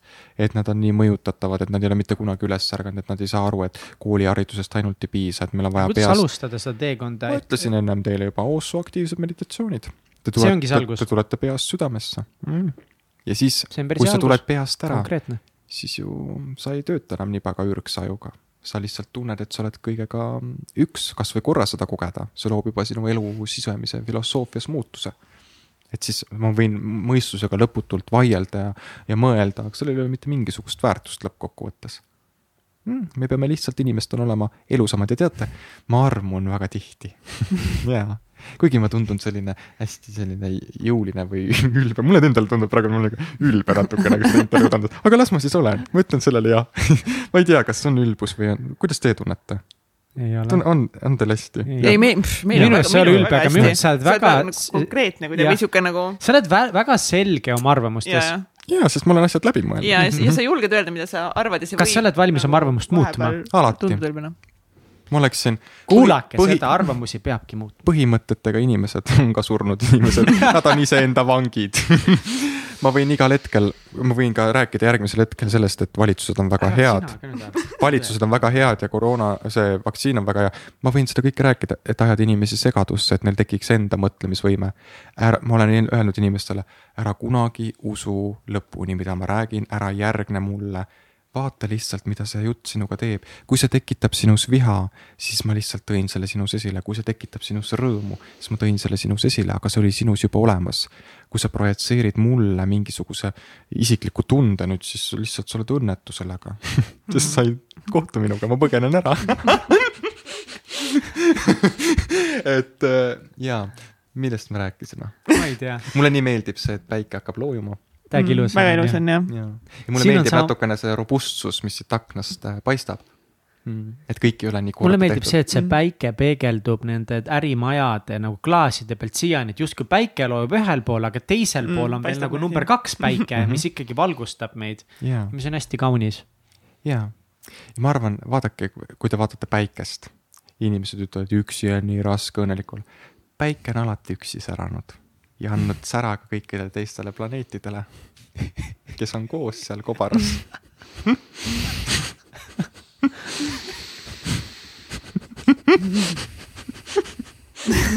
So sleazy. lappes, lappes ei kuule, ma mõtlen mängist, ei, ma ei ütle ka seda. kõik ei saa välja. mis asja, miks ei saa? ütle välja. ütle välja, ongi noh, meie saates tuleb öelda välja asju, mida sa mõtled. ma kujutan ette, ma andsin täna kolm intervjuud, ma kujutan ette, kui palju sellest jama tuleb Ants käis korra Tallinnas jälle hullamas. kaos on vist üle käinud jah? kaos on üle käinud. aga ma ei ole vist öelnud kellegi kohta otseselt halvasti. ei muidugi. ma olen väga delikaatne olnud täna ja, väga delikaatne. ja kui milleski on probleeme, siis ma lihtsalt olin veini joonud ja ma Muidugi, palun andestust. tead, et andestamine on üks olulisemaid asju meie elus, mida me peaksime tegema. andeks andmine, kuulake seda sõna, ma annan andeks, ehk ma annan midagi sulle ja sa annad andeks mulle, ehk sa annad tagasi midagi mulle. andeks andmine endale tähendab seda, et ma võtan tagasi kõik selle, mis ma teile hoobina lõin, näiteks emotsionaalse hoobina ja andeks andmine teisele on see, et ma annan tagasi teisele inimesele selle, mis tema lõi mulle. ja sellepärast ongi andeks vaja anda, et kõik saaksid oma asjaga ise tegeleda. kui me ei andesta inimestele, siis me jääme sellesse kinni ja see jääb meid saatma väga pikka, pikkasid aastasid. kui me vaatame esimesi armastusi meie elus, me jääme oma esimestesse armastustesse palju kinni, me jääme nende peale mõtlema ja sinu esimene armastus on vundament sinu kõikidele teistele suhetele. mis tähendab seda, kui sul esimene armastuses oli pettumine, valu üleval, siis sa kannad selle ka kõikidesse järgmistesse suhetesse edasi. ja selle tulemusena võib juhtuda see, et sinu suhted ei jää enam püsima et sul ei ole võimalik leida kaaslast enda kõrvale, sest see kunagine partner on ikka sinu kõrval, sest sa ei ole suhet ära lõpetanud. ja suhet saab lõpetada siis, kui me oleme andestanud. miks andestamine nii raske on? paljudel eriti. sellepärast, et raske on enda valule otsa vaadata, mis on enda sees. mul on lihtsam öelda, et teine on sitapea, kui öelda, et mina olin ka. konfliktis ja keerulises olukorras on alati mitu osapoolt, mõnikord kolm, mõnikord kaks. aga isegi see inimene, kes tapeti, on otsustanud oma sügavamal tasandil, et ma saan tapetuks sellel hetkel. vot kuidas, mis asja? see on äh, süsteemne, see läheb natukene keerulisemaks, aga mõned süsteemid on sellised, mis on väga hukatuslikud. näiteks enesetapjad. enesetapp ei ole kunagi lihtsalt, ma toon selle konteksti lihtsalt juurde, enesetapp ei ole kunagi lihtsalt individuaalne asi, see on terve perekonna ja süsteemi asi üleüldiselt. sest enesetapja tapab ennast kõigi teiste eest, selleks, et teised saaksid edasi elada, ta on süsteemi must lammas. ja enesetapp või tapmine üldse on niivõrd agressiivse energiaga ja kui me ei nõustu sellega, kui me ei sõlmi sellega rahu enda sees, ehk me ei ela oma tundeid läbi, ei ütle sellele olukorrale jah, nii on, nüüd ma mõistan, miks see juhtus. Ja kui me asume võitlusesse sellega, et ma ei ole nõus sellega ja nii edasi, siis me läheme agressiivse energiaga võitlusesse. ja kui me ei nõustu kellegi surmaga, sellega, kes tappis, tapjaga või enesetapjaga siis need sündmused jäävad korduma varjatud või uuel kujul. see võib juhtuda näiteks sellega, et, et näiteks me ütleme seal vanaisa, ma ei tea, tapeti ära, eks ju. ja mis tehakse tapja, tõrjutakse alati välja, öeldakse, tema ei kuulu meie juurde, aga ta kuulub alati, sest ta tappis minu vanaisa, see oli nende lugu. ja nüüd, kui seda ei aktsepteerita ja tapjale kohta ei anta öeldud jah, nii oli, siis näiteks minu enda poeg tulevikus võib sattuda autoavariisse ja ta sõidetakse surnuks toimub sama dünaamika, samad tunded. keegi sõitis minu poja surnuks. aga kuidas? see on süsteemne kordus. ehk kui mineviku sündmused jäävad tunnistamata, aktsepteerimata, siis need projitseeruvad epigeneetika kaudu, teadvuse kaudu ja ka vere kaudu meie järeltulevatesse põlvkondadesse. nii kaua, kuni keegi lõpuks aktsepteerib. ja, nii kaua, kui leitakse nõustumine me ei pea mitte midagi oma ema-isa jaoks tegema, me ei pea mitte midagi oma suguvõsa jaoks tegema, mitte midagi muud kui ütlema jah, nii oli. jah, sellised te olite. kas seesama dünaamika ka sobib nagu lihtsalt võib-olla rasketeks suheteks või et, et noh, näiteks ongi, et kui ongi mingid isad või emad, kellega meil on väga raske suhe, et me ei ole nagu andeks andnud neile, me mingi asja pärast peame hullu vimma nendega ja. või ei ole rahul või pettunud. panna nad lihtsalt toolide peale patjadena istuda ise nende vastu öelda kõik välja. ma olen nii pettunud. sa tegid mulle nii palju haiget. siis tunda seda viha, mis sinul sööst läheb või kurbust, nutta, elada see viha välja, peksta padjaga seda isa siis või ema endal, senikaua kuni tekib kergus. ja siis öelda oma vanematele, ma võtan teilt nii palju, kui te saate anda. Mm.. ma mõistan, rohkem ei olnud, ülejäänuga ma saan ise hakkama. Mm.. inimesed liiga palju. Alateadlikult on oma perekonnast mitte kunagi ära läinud, ehk nad on emotsionaalselt liiga seotud. Nad on väga vihased, neil on väga palju konflikte, väga palju tülisid. Nad ei saa mitte midagi aru, sellepärast äh, ma räägingi väga palju pereteemadest ka intervjuudes, saadetes. selleks, et äh, inimesed saaksid aru eh, baaspsühholoogiast sisuliselt. et me ei pea oma mõtteid hakkama paika kruttima, vaid me peame aru saama sellest, et meie meel areneb välja emast-isast. et me oleme viiskümmend protsenti ema ja isa ja sealt tulebki kogu draama. ja sealt on veel suguvõsa ka veel, et nüüd mul on vaja aru saada lihtsalt mis on probleem, mis on dünaamika ja kui ma juba teadvustan seda, siis toimub peas juba konstellatsioon. see on selline fenomen, mis tähendab seda, et kui ma toon midagi mitteteadlikult teadlikule tasandile, läheb see muutusesse terves süsteemis. ja füüsikaseadus ütleb, kui ma muudan ühte lüli süsteemis, muutub terve süsteem. ja see ongi fenomen, müstika. Äh, psühhoanalüüs samamoodi töötab, kui ma toon alateadlikust tasandist midagi nähtavaks, läheb see muutusesse mm ja see ongi see, mida inimesed peaksid tegema. miks on oluline see, et mina olen olemas, sest ma praegusel hetkel, ma ei näe ühtegi teist terapeuti, kes viitsiks käia või kellel üldse oleks mingisugust, inimestel oleks huvi kuulata. et lihtsalt ma olen nagu selles olukorras, ma siis jätkan seda teed nii kaua, kui inimesed tahavad kuulata. ja kui ühel päeval nad enam ei taha, ütlevad, et ei jõua seda Antsu enam kuulata, siis tuleb keegi uus ja ma leian mingisuguse uue tee endale, aga see jääb alati inimestega seotuks, ma sündisin inimeste jaoks. ja see oli väga traagiline minu jaoks ühes töös ma nägin ühte inimest, kes mm,, ma tõesti nutsin pärast seda tööd. Äh, ta tundis, et tal on õigus elada ainult sellepärast, äh, kui ta saab töötada inimestega. Mm. tema ainukene asi, miks ta tundis, et tal on õigus elada, oli seepärast, et ta saab aidata inimesi. tema süsteem oli selline ja mul oli sama dünaamika. see on väga kurb. mul oli tunne kõigepealt, et ma saan elada, mul on õigus elada ainult siis, kui ma saan äh, armastada partnerlussuhtes. ja kui ma seda ei saanud, siis ma tundsin, et mul on õigus elada ainult siis, kui ma saan töötada inimestega. ja vot see on traagika omaette. ja siis, kui ma ühel hetkel sain aru, et ma võin lihtsalt elada niisama, ilma et ma midagi üldse teeksin mm. -hmm. et ma olen lihtsalt ja mulle öeldi ükskord, et ma ei ole oodatud laps. Mm, see mõjus mulle väga mm, raskelt, ma mäletan, mul oli pohmakas, ma joon tõesti harva, ma joon kaks pokaali üldjuhul, kui ma joon. aga sel päeval, eelneval õhtul ma olin palju alkoholi tarbinud ja ma sõitsin Tartusse ja, ja siis ma sain telefonikõne, kus ma sain seda teada. ja siis ma muutusin ühel hetkel äh, väga kurvaks, ma isegi minu meelest jälle nutsin natuke, sest nutmine minu jaoks uus asi viimased kaks aastat, ma ei teinud seda varem. ja inimesed, kes ei nuta, nad võivad suhkruhaiguse saada, sest nad kogevad liiga palju emotsioone enda sisse koguvad. ja siis ma muutusin vihaseks pärast seda, kui ma olin kurva, kurb ära olnud, ma elasin seda väga totaalselt läbi. ja siis ma läksin tikupoisi tanklasse, mingid inimesed tulid sinna, ma olin nagu kaltsakas. ütlesid, oo tere Ants, tahtsingi sult seda küsida ma ei mäleta, mida nad mulle rääkisid. ma mõtlesin ainult, kas te lähete, palun minema ja ma ka veel suitsetasin sellel päeval, nii et, et mõtlesin täis komboterapeut aga see ongi nagu, see ongi see, et sa oled ka inimene ja sul on ka Mina need kogemused. ma vahepeal ja... suitsetan ja siis äh, mulle meeldib lihtsalt, see on väga pühalik tegevus minu jaoks.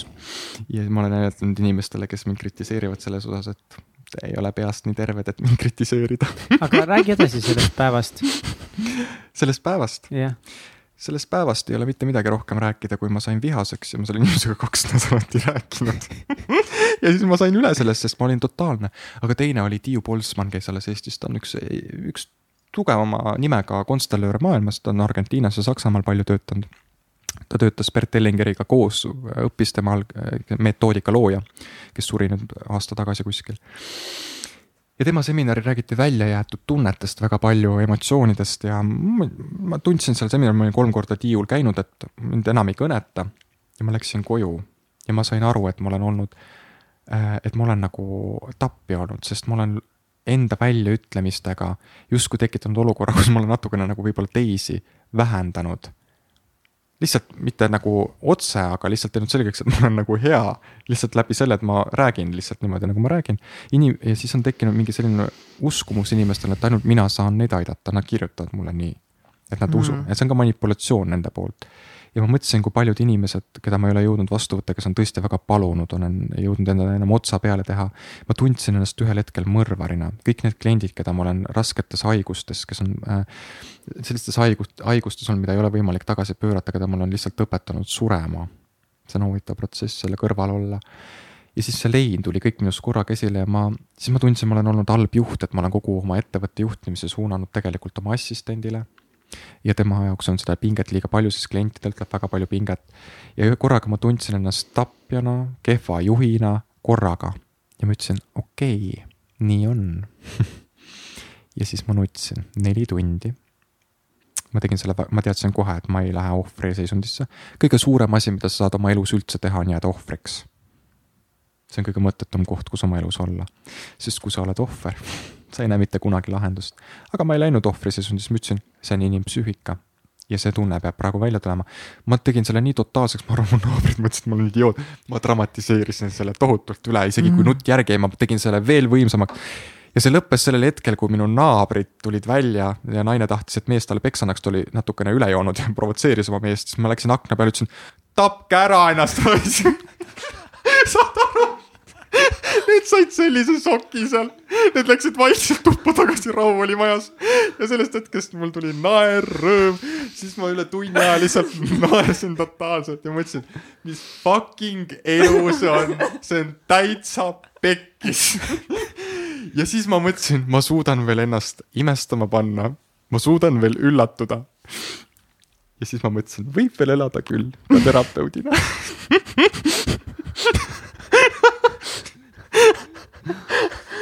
au, lahe, love it lööme kokku ka, jaa oh,. ja.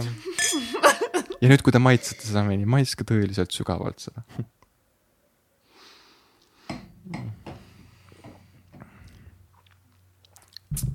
mu sõbrad vahepeal ütlesid, et ega Ants sõidabki, kui tal kaks pokaali sees on aga ma saan alati kaineks, see on minu vastutuse koht.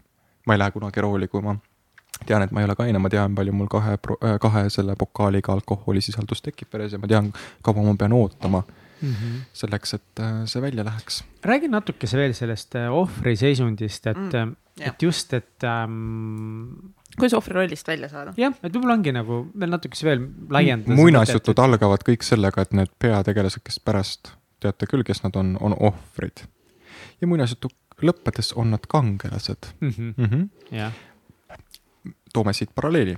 selleks, et ohvri rollist välja saada, pead sa aru saama, kuidas saada kangelaseks. ja teisalt pead sa mõistma asjaolu, kes oli esimene ohver teadaolevalt sinu perekonnast. kellega, kellest sai ohvri dünaamika alguse, sest mõni perekond on tervenisti ohvrid, neli põlvkonda. ja ohver äh, tekib siis, kui on olnud agressorsüsteemis, mis tähendab seda, kui minu kolmandas, neljandas põlvkonnas näiteks on olnud väga agressiivsed inimesed, noh sattunud inimesi küüditamisele, sõdinud, möllanud, kõike teinud, eks ju. siis tasakaaluks mõned järgnevad põlvkonnad on ohvrid. ja kui me seda ei teadvusta, siis me ei saa sellest ohvrirollist mitte kunagi välja tulla. nii palju, kui me püüame, me jääme ikkagi ohvriks. ehk kui minevikus on tehtud palju kurja, siis nüüd see tasand oota, kuidas on... ma siis seda teada saan? kõige lihtsam on moodustada genogramm saa teada, kes olid sinu esivanemad. mida kaugemale tead, seda tugevamaks sa saad oma elus. Need inimesed, kes on teadlikud oma suguvõsast, ma tean näiteks seitset põlve oma ema-isa liinist. ja kui ma tean nende saatust ja liikumist, siis ma sain näiteks teada, miks ma üldse Ants olen. kujutate, nimel võib olla ka põhjus.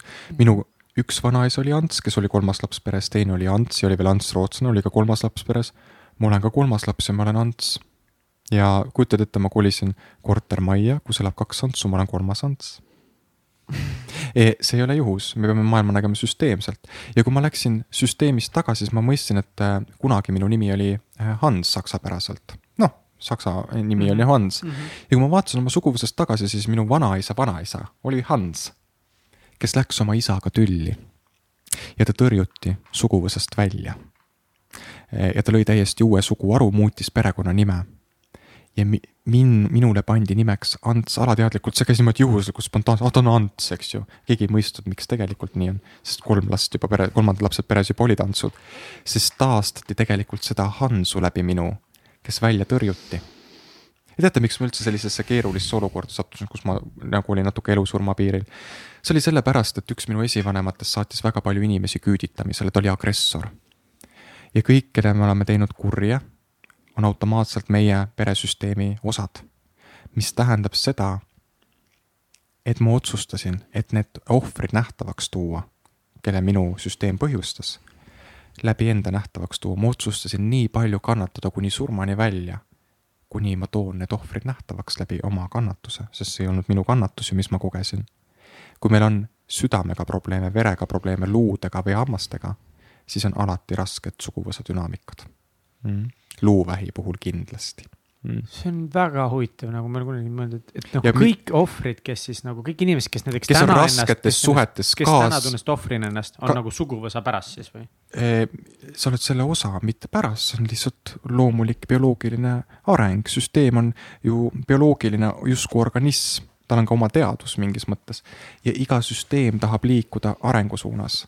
aga selleks, et süsteem saaks areneda, on teinekord vaja tuua midagi nähtavaks mingi puslejupp, mis on puudu, et toimuks areng. ja teinekord peavad inimesed selleks surema, keegi peab haigeks jääma. ja see on inimese enda hingeline otsus. ma lähen ära haigusesse, sest niimoodi on lihtsam, sest valusse on ju liiga raske vaadata. aga see juhtub kõik alles siis, kui meil nooruslik ressurss on otsas, neljakümne plussiselt ja ohvrid, et kuidas sealt ohvrirollist välja tuua, esiteks uuri välja kes on jäänud ohvriks sinu suguvõsas, naised peaksid vaatama kindlasti naisliini poole, mehed peaksid vaatama meesliini poole. sest terapeutiline tarkus ütleb seda, et tütred lähevad alati põimumisse kõige lihtsamalt vanaemaga ja pojad vanaisaga. Emba-kumba siis, vahet pole kumb, kummaga lähedasem suhe on kas emaga või isaga ja kui minu ema jäi näiteks ohvriks isa kõrval ja ma olen tütar, siis automaatselt võib mul tekkida ka ohvridünaamika või siis teine variant, et ma ei usalda mehi mitte kunagi, ma hakkan ise agressoriks meeste suhtes. hakkan meestele kätte maksma alateadlikult. no neid bitch'e naisi me teame mm. -hmm. vaata, naine on nagu maa, selles on Antarktikat, jääd, selles on kõrbe, aga seal on ka džungel, kunagi ei tea, kus uss välja hüppab Boom mida metafoorid lihtsalt.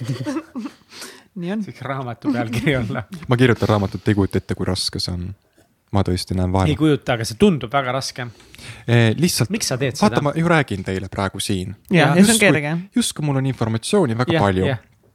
aga kui ma olen kodus, siis mul ei ole publikut ja kui mm -hmm. ma olen üksi, siis ma olen loll. täiesti teadlikult mm, -hmm. minu aju ei vahenda üldse mitte mingisugust informatsiooni, ma saan kõige paremat informatsiooni, täna mul on juba mitu väga asja, head asja, mida ma praegu ei oska sõnastada. ma olen kanalis siis mm., kui ma mm. töötan. kui ma raamatut kirjutan, mul ei ole mingit kanalit. no, aga äkki sa peaksid seda kuidagi teistmoodi jaa, siis tegema. mis ma tegin, et ma üldse saaksin, esiteks ma eemaldusin väga palju avalikust elust, selles mõttes ma ei suhtle nii palju, et ma olen väga oma olemises oma inimestega. ja see tähendab seda, et mu meel rahunes maha ja nüüd, kui mu meel on rahunenud siis ma suudan ette kujutada inimesi enda ette, kellele ma räägin siis seda teemat. Mm. ja siis ma kirjutan, aga ma avastasin ka seda, et sul peab olema lihtsalt hea toimetaja. et sa pead mustandi kirja panema mm. -hmm tema kirjutab su raamatu loetavaks, aga ma võtsin sellise toimetaja endale, kes tunneb mind juba kümneaastasest peale, et ta ei, ta saab aru, mida ma mõtlen, et see tass ei ole tema jaoks liiga suur, kui ma võtaks võõra toimetaja, siis saaks söödega mütsi aru, ta parandaks võib-olla mul laused selliseks, et no joh, Heidi. Mm. ja minu tingimus oli see, et ma äh, võtan siis enda toimetaja mm. -hmm. ja ma lähen äh, ajas natukene üle, et ma saan selle novembri lõpus ilmselt välja anda, ma väga loodan, mul on veel nelikümmend lehte minna. aga sa ei saa loomingut sundida mm. -hmm. ma nüüd augusti lõpuni põhimõtteliselt olen vaba, ma teen ainult ühe suure seminari. aga tead, miks sa teed seda ikka, miks sa teed raamatu? miks ma teen raamatu yeah.? esiteks äh, ma ütlesin, et ma olen inimeste jaoks sündinud ja ma arvan, et inim-, inimesed on küsinud mult.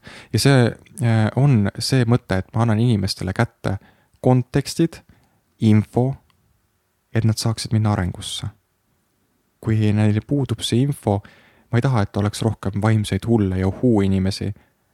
ma ei taha, et inimesed sööksid nii palju ravimeid, et nad oleksid nii lost inimesed, ma tahaks näha rohkem tänava peal elusaid inimesi. ja kui see raamat paneb inimesi mõtlema ja tegutsema arengu suunas, siis ma olen oma missiooni täitnud.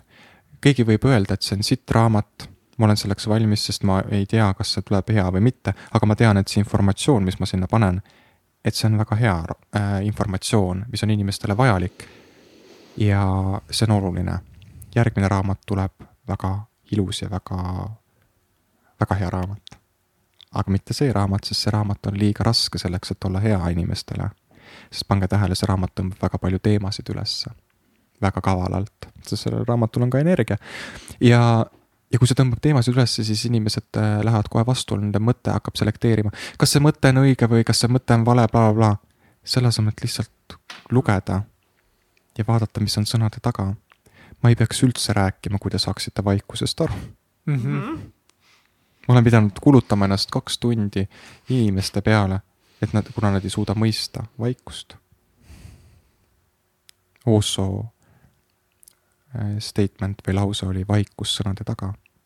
Mulle väga meeldib, ma võtan väga palju temast inspiratsiooni. ta lihtsalt oli liiga suur inimene, ma ei, ilmselt ei saa kunagi, ma ei püüdle oma elus valgustumise poole, teate miks? üldse oma elus püüdlus äh, või tähendab, äh, ma tahan midagi saada. mida rohkem sa selleni tahad jõuda, seda kaugemale see läheb. sa pead korra tahtma ja siis lahti laskma mm.. siis tuleb see sinu juurde, siis kui see on sinu jaoks oluline mm.. ja see elu usaldamine ka, inimesed mm. räägivad sellest elu usaldamisest, kuidas siis seda elu usaldada. Elu usaldada saad sa siis, kui sa ütled jah ma olen valmis surema siin ja praegu, aga kui läheb paremini siis võib kõik lihtsalt juhtuda. Ja kui sa selle kohani jõuad oma elus, siis sa saad usaldada oma elu, siis sa võid, siis võib keegi kraaksuda sul seal, et sa oled sita peal, ma ütlen okei okay,, kraaksu. Sinuga võib juhtuda autoõnnetus, mõtled okei okay,, las siis juhtus. Mm.. Mm kuidas sa sead eesmärke või kas sa üldse sead, et sa enne rääkisid väga huvitavalt sellest ja, ja ma just mõtlesin. kas sa et... kuulasid mind enne? ma ütlesin, olen inimestel väga pikalt rääkinud, ma ei sea eesmärke ja ma ei soovita teil seda ja. teha, kui te ei taha olla surnud inimene. ja ma sain nagu sellest mm. aru, aga näiteks ongi, et sul tuli idee kirjutada raamatut. et ma tahtsingi seda nagu küsida, et okei okay,, ka raamatu valmis saamine on eesmärk minu silmis, sa ütlesid, sul on mingisugune nelikümmend lehte jäänud. sul on novembris tahtsid välja panna, need kõik nagu. septembri keskpaigaks peab olema see toimetatud. peab August, olema, et see kõlab lõpuks. nagu väga klassikaline eesmärk. tead, ma pean ja tahan on kaks väga erinevat asja. et kuidas ma... sa oled seal, kuidas see käib? eesmärki ei ole mm. -hmm. mul on püüdlus anda endast maksimum, olla täiuslik selles, mis ma teen, et saada valmis selleks kuupäevaks aga ma ei ole oma mõttega selles kuupäevas. ma olen praegu vestlen teiega siin, mul on pohhui see raamat mm. -hmm.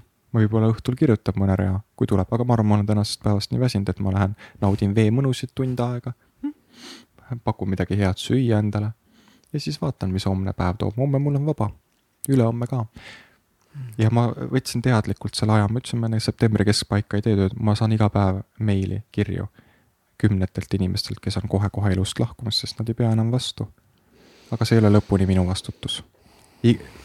selle töös sa saad aru, et iga inimese elu on iseenda vastutus. Nad ei saa öelda, et Ants ei aidanud, et sellepärast ma surin ära. see oli nende vastutus. ja jaapanlastel on huvitav, kui meie mõistame, meie religioon on jälle selline, mis mõistab enesetapud hukka ja hukatus ja põrgu ja jumal teab, ärge uskuge seda jaapanlastel ei ole sellist mõtet, nende jaoks, kui pinget läheb liiga palju, millega nad hakkama ei saa, nad tapavad ennast ära ja sõbrad aitavad. Neil on enesetapumetsad ja nad ei tee seda ainult üles puues, vaid nad kasutavad selleks siit elujõu nii-öelda keskust, mis on siin nii-öelda kõhupiirkonnas ja nad poovad ennast kõhu kaudu. ja kui see ei õnnestu, siis sõbrad lõpetavad ära selle protsessi. see on nende kultuur. see on kultuuri osa ma tahan ikka kiusata sind selle eesmärkide teemal, et või, või ma võin sõnastada seda kuidagi teistmoodi. panid tähele, kuhu kavalalt ma ära läksin sellest teemast? jaa, ma tahan sind tagasi tuua, ma nägin küll, sa ütlesid, oi, sa ei kuula mind värki, aga, aga ometigi ma kuulan väga hästi sind ja, ja see ongi see, mida ma tahan aru saada, sest see on äh, minu jaoks hästi oluline teema praegu, kuna ma olen terve elu elanud tulevikus ja ma olen natukese aru saanud samamoodi, mida sa rääkisid, et ma ei taha elada tulevikus, ma tahan elada tänases päevas. aga sa enne mainisid näiteks, et, et sul on nagu, ongi, sul on see plaan või mõte või idee, eesmärk. et äh, sa oled nii-öelda oma karjääri muutmas mingis hetkes, et, et ma tahangi, et sa nagu mitte ei ütleks mulle, et ära tee eesmärke, aga, aga kuidas sina oled seal lahendanud, et kuidas sa paned selle teatud tulevikupildid koostöös tänapäeva pildiga, et minul ongi nagu natuke see probleem hetkel, et. ma ei oska nagu neid kokku panna, et ma ei taha olla täiesti nii, et ma üldse ei mõtle vahepeal tuleviku peale mm, -hmm. aga mhm. ma ei taha liiga palju tulevikus olla, kui sa saad mu probleemist aru. ma mõtlen siin selle peale, et mul on plaanid. okei -hmm. davai, davai. mul on plaanid ja need plaanid ei tule minu juurde lihtsalt nii, et ma pean neid ise väga palju välja mõtlema mm. -hmm. mul on konkreetselt nii, et mingid inimesed lihtsalt käivitavad minust seal, ütlevad, et tead, Ants, ma olen mõelnud, et sa võiks teha midagi sellist, siis ma mõtlen. Vau, aitäh, et sa mulle seda ütlesid. sellesama teemaga, mis me siin välja lõikame, mis me just mainisime, üks üllatus on tulemas võib-olla siin, kui asjad paika saab, et siis um, kui inimesed tulevad ja sütitavad minus midagi. ja ma mõtlen, et see on midagi, mis loob väärtust ja midagi, mis on inimestele hea, siis ma olen nõus, siis ma lähen sellele plaaniga nii-öelda kaasa. aga ma olen selles plaanis siin ja praegu ma, ma ei tea isegi, palju see plaan mulle rahaliselt sisse hakkab tooma, ma ei ole seda isegi ka äh, arvutanud. aga ma tean, et see on midagi nii head, mu tunne on nii tugev, et ma lihtsalt äh, tegelen praegu sellega, ma isegi ei tegele sellega ise, sellega tegeleb teine inimene. et, et siis, et ma teostan seda plaani iga päev. ma olen selles plaanis kohal. ma mõtlen selle peale, aga ma olen ka tundmises, et mis seal võiks olla, kuidas ma võiksin seda luua ja ma ei pane sinna seda eesmärgi ripakat juurde, et nüüd see peab jõudma valmis selleks kuupäevaks või et see peab olema täpselt selline, selline, siis ma võtan spontaansuse sellest ära. kui ma ütlen, see peab olema, see plaan peab olema selline, selline, selline nagu laps, nagu mõned perekonnad loovad endale plaani pere ja lapsed ja kõik kodu saada. Te võtate ära elu ja spontaansuse, mis tähendab seda, et mul võib tekkida, ma rääkisin ennem armumisest ma võin armuda päeva jooksul mitmetesse äh, teenindajatesse, inimestesse, keda ma kohtun ja mõnikord see käib minuga terve päeva kaasas.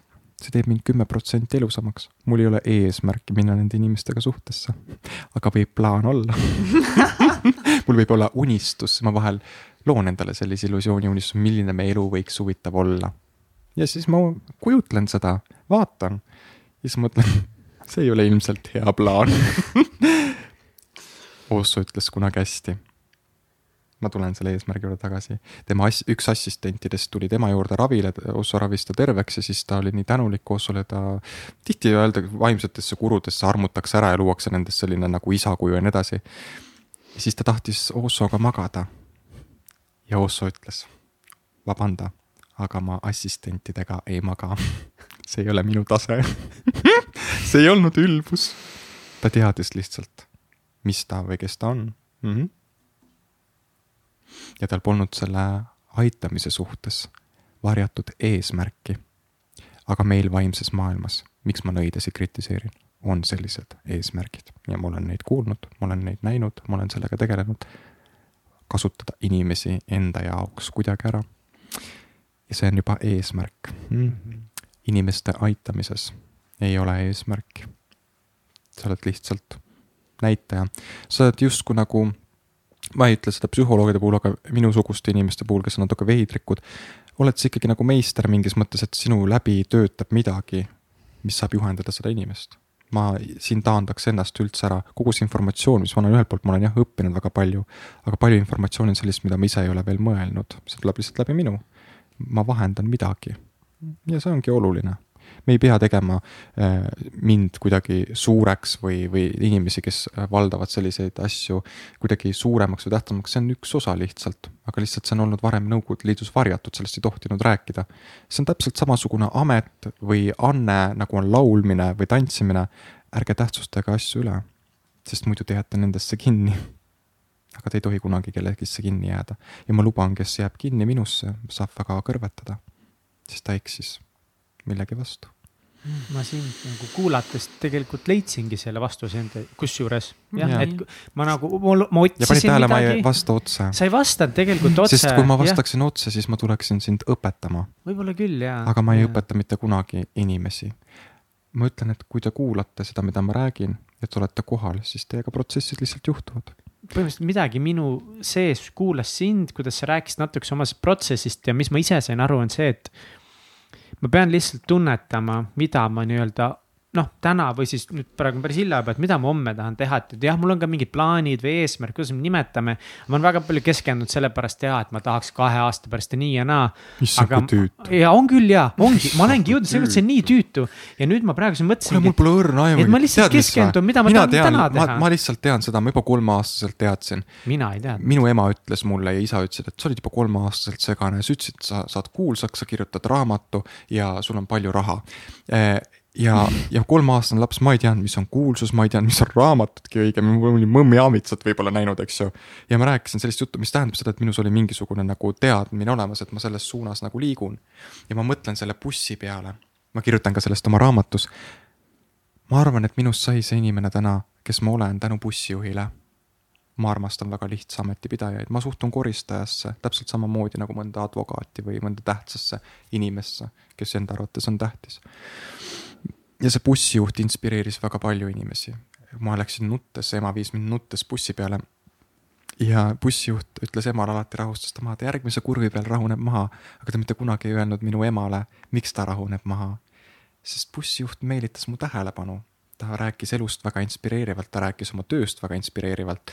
ta oli ka tuletõrjuja. ja sellest hetkest ma sain aru, et ma tahan olla ka bussijuht et kui inimesed bussi tulevad, siis mul on võimalik teha nende tuju heaks ma nägin seda, ta inspireeris mind, ma sain alles nüüd alles sellest aru, kui ma hakkasin raamatut kirjutama. bussijuht mängis minu elus tohutult olulist rolli. Ja kui sa mõtled tagasi natukene minevikule, mida ma ei palu väga palju teha inimestel, aga siiski, kui väikesed nüansid, kui väikesed kohtumised võivad meie saatust lõputult mõjutada ja muuta, sellepärast ma ei suhtu ühessegi kohtumisse juhuslikult, sest ma ei tea, see informatsioon, mis ma täna siin rääkinud olen, ühelt poolt vastuoluline, teiselt poolt nagu mõistlik, kolmandalt poolt mõni mõtleb võib-olla idioot, aga siiski see võib-olla, ma räägingi kõikidega, idiootidega, troppidega, heade inimestega, kurjade inimestega, ma räägin kõigiga. ja see tähendab seda, et kuhu ma selle mõttega jõuda tahtsin, oli see, et ükskõik kellega me ka ei kohtu oma elus, me ei pea ütlema, et sellel on kindel mingi põhjus, aga märka seda põhjust märka see, mida see inimene sulle annab. ole kohal. see tähendabki seda, et sa oled lihtsalt siin ja praegu. pange tähele, kuidas te olete kohal. Te olete selles infovoos mm.. isegi helimees on ta sügab oma habet, ma märkan seda kõike mm.. ma märkan kogu aeg, mis ta teeb, sest tema reaktsioonid on väga ilusad, mis ta terve selle aja jooksul teinud on. ma tajun alati, ma tajun alati tervet ruumi mm.. Mm mis te tahate veel teada sa rääkisid seda, kuidas ükskord sa räägid, et pilvedest moodustas see Buda kuju, mis on veel mingid? Te küsite, mitte küsida, kas ma olin narkojoobes või mitte. ei, ei, ei, see. teate, mis narkootikumidega on okay, super, räägime narkootikumidest. Let's go, räägime ainetest. mina super. arvan, et valitsus, valitsused peaksid tegema narkootikumid legaalseks meie teadus on niivõrd arenenud, et me suudame teha narkootikumid väga puhtaks. nõus. oli üks mees kunagi, farmer. ja kirikuõpetaja käis kogu aeg, ta ei meeldinud, ta farmer ei meeldinud, sest ta ei olnud usklik. ja sinna kiriku juurde ehitati aed. inimesed käisid sellest ilusti mööda.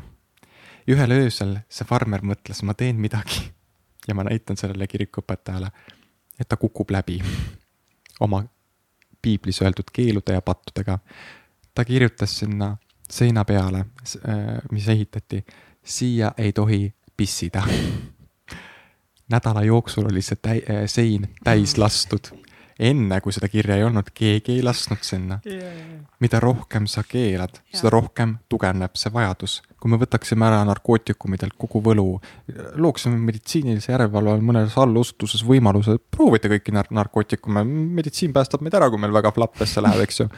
et, et kui me võtame selle fenomeni ära ja võib-olla äh, psühhootikumide ja antidepressantide asemel pakuks inimestele väga puhast narkootikumi teatud kogustes apteegis meie ühiskond oleks palju tervem. ma ei ütle, et minu puhul see oleks hea, sest inimesed, kes on kogenud meditatsiooni sügavamas tähenduses, nendel inimestel ei ole narkootikume vaja, sest see rikuks nende vaikust nende sees, nende rahu nende sees. aga need inimesed, kes on kogu aeg ärevil ja lappes endaga, narkootikumid on ainukesed kohad, mis neid mhm. suudaks paremini aidata võib-olla kui LSD näiteks, mida USA-s kasutatakse palju.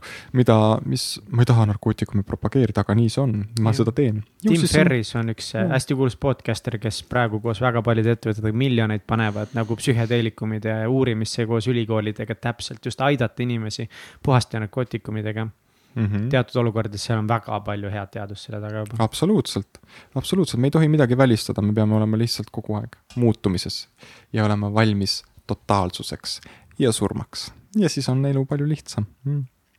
ega see ei tähenda, et sa ära pead surema, see tähendab lihtsalt seda, et sa oled valmis. siis sa pöörad näoga elu poole rohkem, hakkad märkama. inimesed ei märka isegi seda, kuidas hommikul kajakas kraaksub, ütleb, et see on häiriv info minu jaoks. pange need aknad kinni. kuule, sul on elu õues. veel on elu ja sind häirib elu. sa ei märka, kuidas lill õitseb mõni inimene, ma vahepeal vaatan Tiktok'e, seal on üks no, homoseksuaalne mees, üks äh, tumeda nahalisega, ütles. issand, ma ei saa aru, kas mingit, kes üldse suudab siit Tallinnast nagu välja minna, kas seal on üldse on nagu mingit elu nagu on. siis mõtled, et kui palju on isiksuse häireid meil ümberringi. ta ei ole mitte kunagi kohtunud eluga, sest ta on terve elu elanud linnas mm. -hmm. ehk siis märgata, väga lihtne meditatsioon märka lihtsalt kõike, maitse toitu väga totaalselt, ole kohal selles toidus ja sa muutud kümme protsenti elusamaks. kui sa armud, muutud sa kümme protsenti elusamaks ja kohe, kui ma tunnen, et ma hakkan muutuma surmale lähedale selliseks kuivikuks, ma kohe armun kellegisse, ma le lausa leian selle objekti. mõnikord ma armastan mõnda puud, see on täiesti veider, aga ma olen ka tänavaposti ära armunud, sest ta oli tõesti väga inglise stiilis väga ilus. Jube hea tänavapost oota, aga räägi veel nendest müstilistest kogemustest natukene, mis see, ma tahtsin selle Buda pilvedega, pilvedega, pilvedega jõuda. minu elu ongi ainult müstika, mul on kaks pealuud, üks on Artur, üks on James, üks on viisteist kilo, teine on üks koma viis kilo. see ongi kogu minu müstika, need on koduloomad mul.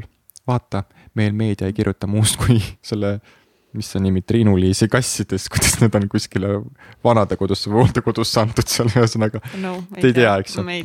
terve meedia kirjutab ju nädal aega nendest kassidest, kes nad ära andis, kus nad anti, kas nad tapeti või mitte. meil ei ole mitte midagi targemat teha, kui rääkida kassidest milles küsimus oli? räägi müstilistest kogemustest, minu arvates see ongi väga müstiline nähtus et me räägime rohkem Triinu-Liisi kassidest. Honestly jaa, vot, vot. see on müstika, see on tõeline. me räägime Eda-Liis Kanni autos, kas see auto on tema oma või mitte, aga me ei räägi elust. Te saavutasite midagi ja. fenomenaalselt oma podcast'iga, te räägite inimestega. Mm.. Te räägite päris elust.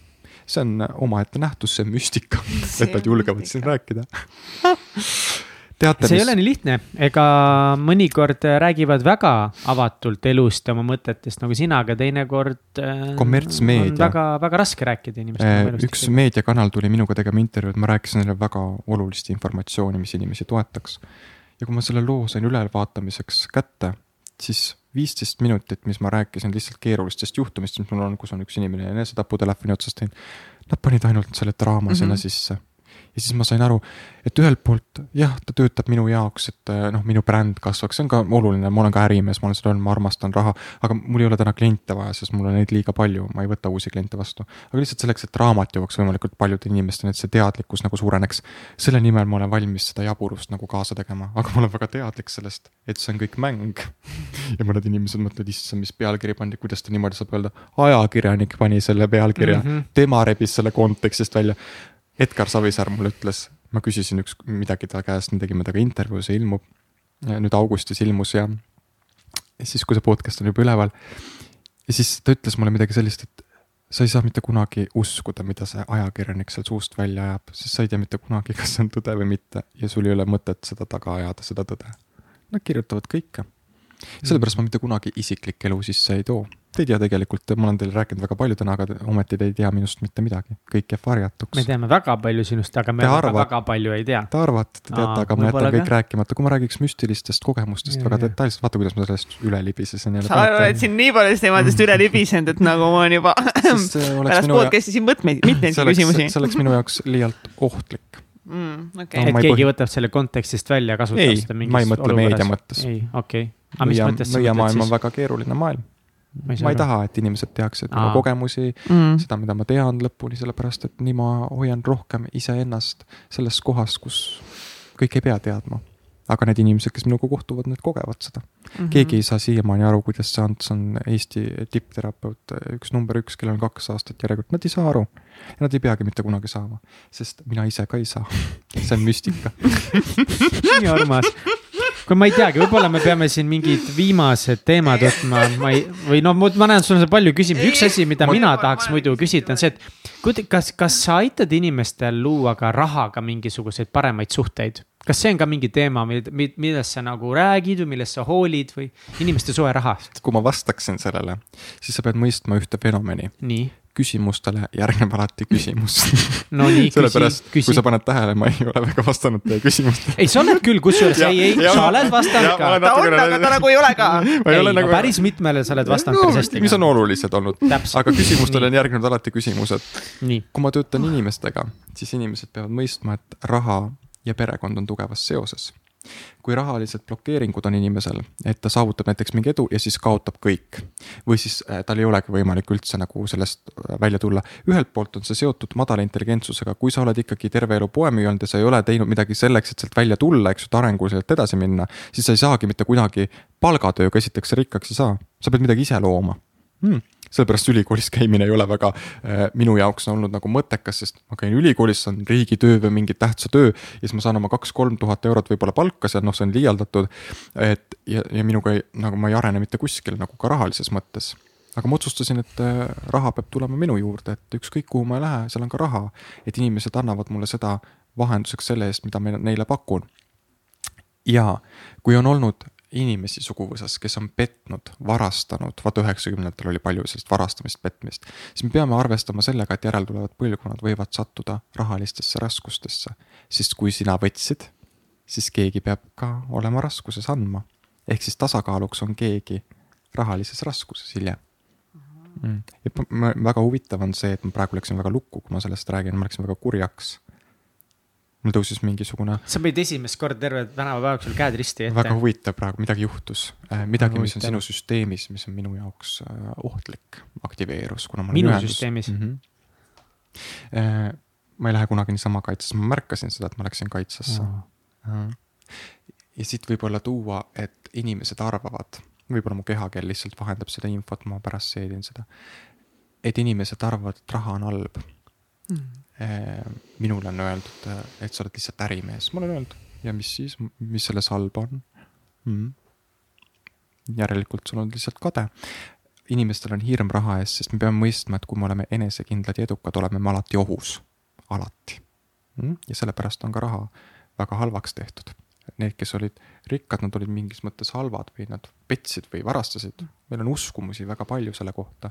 suguvõsa programm teinekord ei lase meil saada edukaks, sest kui ma olen edukas, siis ma erinen oma suguvõsast. minus, ma ei ole enam ohver, ma reedan oma suguvõsa. süütundest me jääme vaeseks süütundest me jääme vaeseks. ja süütunnet ei ole tegelikult olemas, on olemas hirm. hirm reeta oma päritolu perekond, hirm reeta seda lojaalsust, see on kogu inimkonna traagika, inimeste traagika. Öelda lahti lojaalsusest, aga selleks, et üldse aru saada sellest lojaalsusest, pead sa sellest aru saama, et sa selles oled. see on sinu terviseprobleemide põhjus, rahaliste probleemide põhjus, partnerlussuhete põhjus, laste haiguste põhjus. sümptom on alati seotud perekonnaga, alkoholismi taga on alati sümptom ärevus. ja ärevus on alati seotud kolmnurgaga, kelle pinget sa endas kannad hmm wow.. vastasin ma sinu küsimusele? jaa, tegelikult küll. ja need, see on äh, crazy sel..., kui palju ma nagu olen siit olen nagu, kui palju see on nagu perega seotud, just praegu, mis just ütlesid mm., et et äh, pinge on seotud kolmnurgaga, kelle pinget sa kannad. see kuidagi lihtsalt nagu nii littis ära minuga, et kelle pinget ma kannan siin hetkel. ja nüüd on see koht, kus ma rohkem ütlen, et ma rohkem ei räägi mm., ma olen nüüd väsinud et lihtsalt mul tunne selline, et äh,. Ants, sa oled väga lege vend. ja, ja, Ants on, Ants on. ja mõtlen, et äh,. Ants ütlen ühe Anu Saagimi lause, kuna mul on Anu Saagimiga nädal, see nädal me tegime Edgariga intervjuu, me tegime täna hommikul intervjuu, reedel meil on ühine pidu. siis ma ütlen Anu Saagimi lause siia lõppu. ärge mõistke mind hukka, aga võtke mind sellisena, nagu ma olen ja ma teen teie elu õnnelikuks absoluutselt, ma arvan, sobib siia. kui te mind siia... ründate, siis ma olen oma adrenaliininaksu kätte saanud, aitäh teile. ilusat elu ilusat elu. kuidas populaarne on öelda, palju armastust teile ja ma loodan, et elus läheb kõik hästi. kuule, hakake lihtsalt elama, võtke need jalad tagumiku alt välja ja hakake elama. ära usu minu sõnu, aga jälgi, mida see sinuga tegi, aitäh teile no nice, kas me teeme välkküsimusi või ma ütlesin? jah aga kas me, kas me välkküsimusi üldse ei tee või ei tee või, kas me kõik või? ühesõnaga siin. ühesõnaga, kui sa viitsid paarile meie välkküsimusele vastata, siis me võime seda teha, kui sa ei viitsi, siis me ei pea, need on lihtsalt something, something, something, something on ju. Eh, sa pead mõistma ühte olulist asja elus. ei on ei. Ja väga konkreetselt öeldud ei-d ei saa mitte kunagi ületada. Sest see on nii tugeva teadlikkusega tehtud, et eh, sa tahad ületada neid piire see inimene kehtestas ja piiride loomine oma elus on väga oluline. Partnerlussuhetes, suhetes ema ja isaga, ehitage piire, et kaitsta oma olemust, kui ma ütlen, et mul olen väsinud, siis ma ei saa rohkem anda, sest siis see kahjustaks inimesi, mul on see teadlikkus, ma ei saa seda teha. ja ometi sa oled pärast seda rääkinud vähemalt kümme lauset, aga pole hullu. Aga pane tähele, ma ei vastanud sinu nõudmisele peaasi, et, peaasi, et ei vastata minu nõudmistele, ei, I accept this nagu see, selles mõttes, et ladies and gentlemen, antes rootslane täna teiega. Imelist, imelist neljandat hooaega meile, kallis kuulaja, aitäh, et oled meiega ja ma loodan, et see, see saade sind pani mõtlema, imestama, mis iganes tundeid tekitama. Ja kui see vähemalt midagi sinus sütitas, siis jaga seda saadet vähemalt ühe enda sõbraga ja, ja nüüd Ants ütleb ka. ma olen oma elus läbi kukkunud, kui see üheski inimeses midagi ei tekitanud see tekitas minus Just. ja minus. nii et ja see on juba tehtud. seal tekitas, need kolm on olemas. tegelikult statistiliselt ma arvan, üheksakümmend protsenti jääb selle saatega rahule. kirjutage mulle, kui te ei jäänud. ma vastan teile, mis teil viga on. ainult need, kes ei jäänud rahule. muidugi, sellepärast aktsepteerige üks fakti, et Antsul on nagu noh, ta ei võta uusi kliente, aga kusjuures, kui ma tohin, on ju veel väga et kas sul on nagu inimesi, kelle poole sa ikkagi suunad abivajajaid või, või, või, või sa ütled lihtsalt, noh, et vaata ja, ringi? Suunan. suunad, okei okay ja, ja teen seminare nii palju, kui on ja. võimalik mm.. okei okay., super, jälgige meid eh, Instagramis, Ants Rootslane Instagramis, Facebookis, blogi. novembris tuleb raamat, raamat, Instagramis, seal ma jagan mingeid tähtsaid mõtteid ka jaburaid mõtteid, kõike. saate vaadata, mida see hull müstik teeb kas sul oli punkt .ee või punkt .com? hüpnoti, hüpnotisoorants.ee, Facebookis on hüpnotisöör Antsu lehekülg, Instagramis olen Ants Rootslane. Ja seal on... juba Instagramis oled vist Ants Rootslane, nii et. just see on arengumärk. täpselt, nii on, nii et ja saade jah, aitäh kuulamast! Aitäh